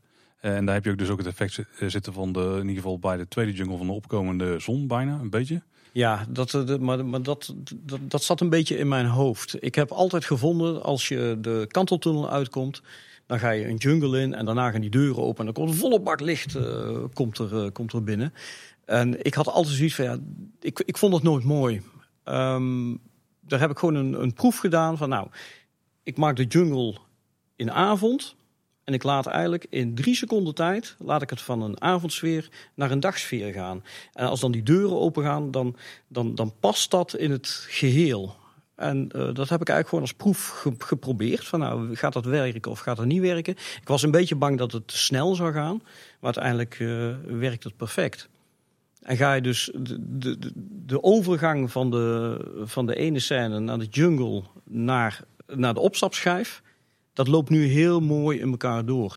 In, in, in het Sompenwoud, ehm, daar, ja, onze, onze, onze eerste proeftuin, daar hadden we eigenlijk twee scènes gemaakt. Gewoon van, nou, laten we dit proberen. Een beetje een donkere scène en een iets lichtere scène. Ehm, die scènes die waren opgeslagen in een programmeerapparaat. En ik druk op knop om van de ene naar de andere te gaan. En dat ging eigenlijk in vijf seconden ging je van de ene naar de andere scène. En dat was een moment waar we zoiets hadden van, dat is leuk. Wat heb ik toen gedaan? Ik heb een, een, een, een volgende scène gemaakt die iets intenser was. Die een beetje overdrevener was. En ehm, ja, dat was dusdanig leuk dat je nu in het Sompenwoud iedere omwenteling die je eigenlijk in je voertuig maakt, zie je eigenlijk alle drie die standen voorbij komen. En dat, dat loopt in een rondje. Je ziet continu eigenlijk heel die scène in licht veranderen. En dat was eigenlijk de eerste keer dat we dat een beetje per ongeluk ontdekten. Van ja, dit werkt wel heel erg mooi. Je, je, je hoeft- je hoeft de scène niet meer, niet meer statisch te houden met LED. Je kunt, je kunt er dynamiek in brengen in de, in de programmering en in de, in de tinten en in de sfeer. Dat zie je nu dus terug in, eh, in, in heel veel dingen die wij tegenwoordig eh, maken. Dat er toch altijd wel iets van een bewegingje in het licht in zit. En soms moet dat eh, iets uitvergroot worden, zoals bij het Somperwoud. Omdat je daar in een voertuig zit, je draait in een spiraal. Dus die beleving moet wat intenser zijn dan, eh, dan dat je anders zou doen. Eh, en soms is het maar heel klein. Als je, als je in het Sprookjesbos gaat kijken bij Draak Lichtgeraakt, dat was vroeger statisch. Die hebben we om mogen naar LED. En daar kon ik het ook niet laten. Dan heb ik eerst een stand gemaakt zoals die statisch zou zijn. Daarna heb ik een stand gemaakt die meeloopt in de beweging van de draak. Dus op het moment dat je de kroon van de draak eh, ziet, wordt de hele scène een klein beetje angstiger. En langzaam wordt hij weer lieflijk totdat de draak boven is. En dan ben je eigenlijk weer terug in de, in de oude stand. En dat is het voordeel van LED. Daar kan je ja, meer mee spelen. Als ik jullie zo hoor praten, dan, eh, dan zitten hier niet alleen eh, lichttechnici aan tafel en ontwerpcoördinatoren, maar ook wel echt Efteling-liefhebbers. Ja, je moet wel van het vak houden. Je moet wel van de Efteling houden. En je moet er wel eh, eh, je eigen een beetje in kunnen verliezen in, het, eh, in, het, in, in datgene wat wij maken. Dat is wel te horen, ja. Je moet, je moet niet naar een uurtje kijken of naar een avondje inderdaad. En eh, inderdaad, eh, je moet hè, pluk de dag, nou, wij plukken de avond af en toe. En dan, eh, Worstenbro- en een worstenbroodje te wonderen natuurlijk. dat helpt ook altijd. Nou, dan nog een paar vragen om mee af te sluiten. Wat zijn nou andere favoriete parken en attracties op het gebied van lichtontwerpen, specifiek op dat gebied? Ik zou heel graag eh, bij Bellen en het Beest gaan kijken. Eh, die is nog niet zo heel lang open. Eh, ik ben heel erg benieuwd hoe zij daar een aantal dingen aanpakken. Het is, sommige dingen zijn een beetje vergelijkbaar met wat wij bij Symbolica doen. En die zou ik heel graag wel eens willen zien. Dat is in Tokyo Disneyland volgens mij, mijn hoofd. Dan ook met name eh, bijvoorbeeld zo'n transitie-effect wat daar dan in zit. Daar ben ik zelf namelijk heel benieuwd naar hoe dat precies gaat. Eh, De transitie-effect, maar ook het moment dat eh, al het eten op de, op de tafel tevoorschijn komt. Wat is nu het moment dat dat gebeurt? Hoe wordt het aangelicht? Je krijgt die hele zaal, net als een beetje bij Symbolica, dat er een, een feeststemming komt. Ehm, ja, hoe hebben ze dat gedaan? Eh, hoe hebben ze daar de armaturen weggewerkt? Dat soort dingen. Eh, je ziet daar ook een, een, mengeling van video met verlichting. Dus dat, daar ben ik wel heel benieuwd naar. En een plekje waar je al geweest bent, waarvan je zegt van nou, dat vind ik echt prachtig buiten de Efteling. Dat is voor mij een inspiratiebron. Ja, dan kom je toch in, eh, in, in, in Disney Parijs uh, uit. En dan vind ik een, een, een, een Pirates, dat vind ik, vind ik toch mooi gedaan. En dan ben ik ook, ook wel benieuwd naar de nieuwe versie van, van Pirates. Die heb ik nog nergens gezien. Dat, de, ja, dat vind ik toch wel mooi om te zien. ik vind uh, Cirque du Soleil altijd wel een hele mooie inspiratiebron. De shows die hun maken. En ik heb er een paar mogen zien. En ja, vooral die integratie daar, daar zie je ook echt, echt dat samen optrekken van ontwerpers. En uh, in, in, in, in de belichting, in het geluid, in de dynamiek van de scène, in de kleding, in de props. Dat, dat, past echt bij elkaar. Dat is echt samen opgebouwd. En, uh, en dan zie je de kracht. En dat, uh, ook met licht, ja, die gaan heel ver in de technieken en in de specials. Ja, eigenlijk wel een inspiratie altijd. Ik vind persoonlijk um, Pandora, Animal Kingdom. Heel mooi voorbeeld van een, uh, van een heel magisch lichtontwerp. En wat ook verankerd zit in het concept van, van, van die desbetreffende wereld. En ik ben heel erg benieuwd. Ik heb het nog niet kunnen, kunnen doen, maar ik ben heel benieuwd naar Rise of the Resistance in uh, Anaheim en uh, Orlando. Omdat ze daar ook in die attractie ervoor gekozen hebben om eigenlijk de, de showverlichting component een beetje weg te pakken. En daarvoor in de plaats die, ja, die projectoren eh, eh, de, de invulling te geven van het licht. In combinatie met, met, met een aantal hele toffe lasereffecten en dergelijke. Ik denk dat daar een aantal dingen in zitten die, die ons misschien zouden kunnen helpen in een volgende fase om een dark ride of een, of een, of een soort sprookje uh, is opnieuw te kunnen bezien. Ja, ik vind een ander heel mooi voorbeeld Mysterious Island in Tokyo Disney. Waar ook de, dat hele steampunk en dat nostalgisch futurisme niet alleen terugkomt in belichting, maar ook weer in de armaturen. Maar ook het zichtbaar maken van de bekabeling en uh, transformatoren en, en, en stekkers en zo. En waarin dus de, de, belicht, de verlichting ook weer een integraal onderdeel is van het totale ontwerp en gezien mag worden. Ja, dat, eh, dat voordeel hebben we eigenlijk nooit binnen. ja, dat hadden we bij de Baron. En bij de Baron hebben we het allemaal laten zien. Bekabeling, eh, noem maar op. En daar hebben we toch heel veel lol van gehad. We hebben geen uh, geen eh, technische attracties, zeg maar, of futuristische attracties waarbij alle bekabelingen zichtbaar maar zijn en spots zichtbaar moeten zijn. Hè? We moeten het toch altijd uh, weer verrullen en verstoppen. dus inderdaad, eh, dat, ja, daar zie ik ook wel naar, naar een attractie waarbij we gewoon alle bekabeling zelfs als props mogen laten En we doen het natuurlijk wel een beetje. Volgens mij hadden we er een in de pijplijn zitten. Mm ja. Ik wou hem niet noemen, maar we doen het wel een beetje. We hebben natuurlijk de, de kippenschuur gebouwd, waarbij je de, de bedrading gewoon tegen de balken gespijkerd ziet.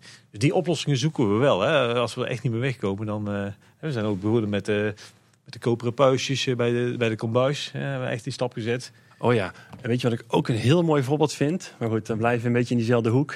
Indiana Jones in Anaheim. Dan zit je in die jeep. En die jeep heeft die koplampen. En die koplampen die, die, die gaan nog mee op die wanden in die scène. En dan, dan wordt het zo'n intelligent lichtconcept. Weet je, dat, dat soort dingen vind ik zo tof. Main Street USA in uh, Disneyland Parijs is eigenlijk ook een goed voorbeeld daarvan. Hè? Daar zie je ook in ieder winkeltje weer andere verlichting en de kabeltjes op de muur en uh, de telegraafkabels. En, uh, ja. ja. Ja, dus dan wordt, ja, precies. Dan is het ook echt een onderdeel van, het, van, de, van de vertelling. Ja. In plaats van het wegstoppen en het verstoppen. Ja, oké. Okay. Dat, dat, heb ik bij zo'n kippenschuur ook geprobeerd. Hè? Dat het ouderwetse bekabeling, een zwarte kabel met een, met een koperen zadeltje. Dan mag het ook gezien worden. Ja, er moet toch een kabeltje naartoe. Dus we, we, kunnen de lampjes niet op batterijen laten werken heel het jaar. Ja, dan, dan zoeken we daar wel een creatieve manier voor. Ja. Ik heb nog één laatste hele praktische vraag. En die, die, ja, we zitten nu met experts bij elkaar, dus ik moet hem gewoon stellen. Uh, stel, iemand heeft de luxe van een mooie boom of misschien een uitgegroeide struik achter in zijn tuin. Bedoel jij dan jezelf, Paul? We noemen geen namen. Bijvoorbeeld. Hoe kun je die nou echt Eftelings uitlichten? Huur Erik in. die luxe bijvoorbeeld, bijvoorbeeld. Um, ja, hoe kan je dat mooi, mooi Eftelings uitlichten? Een heel mooi voorbeeld eh, daarvan vind ik op het uh, schiereiland van de Gondoletta staan. Er staan een aantal uh, berkenbomen. En die krijgen een, uh, een, een gloed door één grote lamp die, die, die over die bladeren heen blaast. Maar onder die bomen staan nog een aantal spots die het mooie witte van die berkenbomen eh, aanstralen. Dat zijn gewoon spots die staan recht omhoog in een witte kleur. En die laten die stam van die berkenboom zien. Daardoor ga je zien, door en die blaadjes aan te lichten en die stam aan te lichten, dat die boom diepte heeft. Dat, dat het niet een plat, plat gekleurd dingetje wordt. Maar daarmee ga je weer die diepte maken. En een tip voor uh, als je thuis iets wil doen, kijk ook naar de bomen van je achterburen. Want door een boom van een achterbuurman aan te lichten, moet je wel eens vragen natuurlijk. maar daarmee ga je nog meer diepte maken. Dus je tuin wordt dan nog veel groter. En zet, zet, durf ook een spot achter een boom te zetten in plaats van voor een boom. En maakt het nog uit hoe ver je de spot van een boom afzet voor bepaalde zaken? Of? Sommige dingen moet je echt proberen. Dus dat is gewoon de tip. Experimenteer. En, en, en, ga ook gewoon een beetje naar links en een beetje naar rechts. Want de eerste dikke tak die je tegenkomt, die kan in de weg zitten. Maar die, die kan ook wel helpen. Dus probeer het uit. Halve meter van die stam af ongeveer. Een beetje naar links, een beetje naar rechts. Ah, dat kunnen we wel mee. En de luisteraars ook hoop ik. Ja, precies. Je moet wel tijd overhouden om de aflevering te monteren, hè Paul? Ja, dit wordt ook een projectje voor in de zomer, denk ik. Ja, nou, Erik, Stan en Jaap, hartstikke bedankt dat jullie hier wilden aanschuiven. Ik vond het weer een hele toffe aflevering. Ik heb zelden zo vaak gedacht tijdens een opname... hey, daar stond ik helemaal niet bij stil dat het ook nog er was en dat daar ook nog aan wordt gedacht. En dan hebben we de helft pas verteld. ja, nou, er, is, er zit volgens mij ook nog heel veel potentie om dit eventueel nog een keer aan te halen in de toekomst. Uh, misschien dat een, een, komende nieuwe uitbreiding, attractie, et cetera, een mooie aanleiding daartoe is. Maar dat is voor later. Voor jullie in ieder geval hartstikke bedankt. Ja, graag gedaan. Graag gedaan, gedaan. leuk. We zetten in de show notes nog wat linkjes. Daar kun je iedereen's Eftepedia-pagina checken, want dat is handig. Hè? Die zijn voor jullie alle drie beschikbaar. Um, wil je nou iets aan ons kwijt, dan kun je het beste doen via Twitter, denk ik. Daar zijn we Edka Boodschap. Ja, en op Facebook en Instagram zijn we kleine boodschap. We hebben ook een website, dat is kleineboodschap.com. Daar staat een contactformuliertje. En als je ons wil e-mailen, dan kan dat het makkelijkste naar info.kleineboodschap.com. Ja, en op onze website vind je natuurlijk ook alle afleveringen en de show notes. En luister je nou in de podcast app, vergeet je dan zeker niet te abonneren. Dan staat er iedere maandagochtend weer een eh, nieuwe verse kleine boodschap voor je klaar. Kun je nou een review of een rating achterlaten, doe dat dan ook. Zeker, kunnen we erg waarderen altijd. Nou heren, ik zeg het gewoon nog een keer bedankt. Ja, ontzettend bedankt. En luisteraars ook bedankt voor het luisteren. Tot de volgende keer. En houdoe. Houdoe. Houdoe. Houdoe. Houdoe.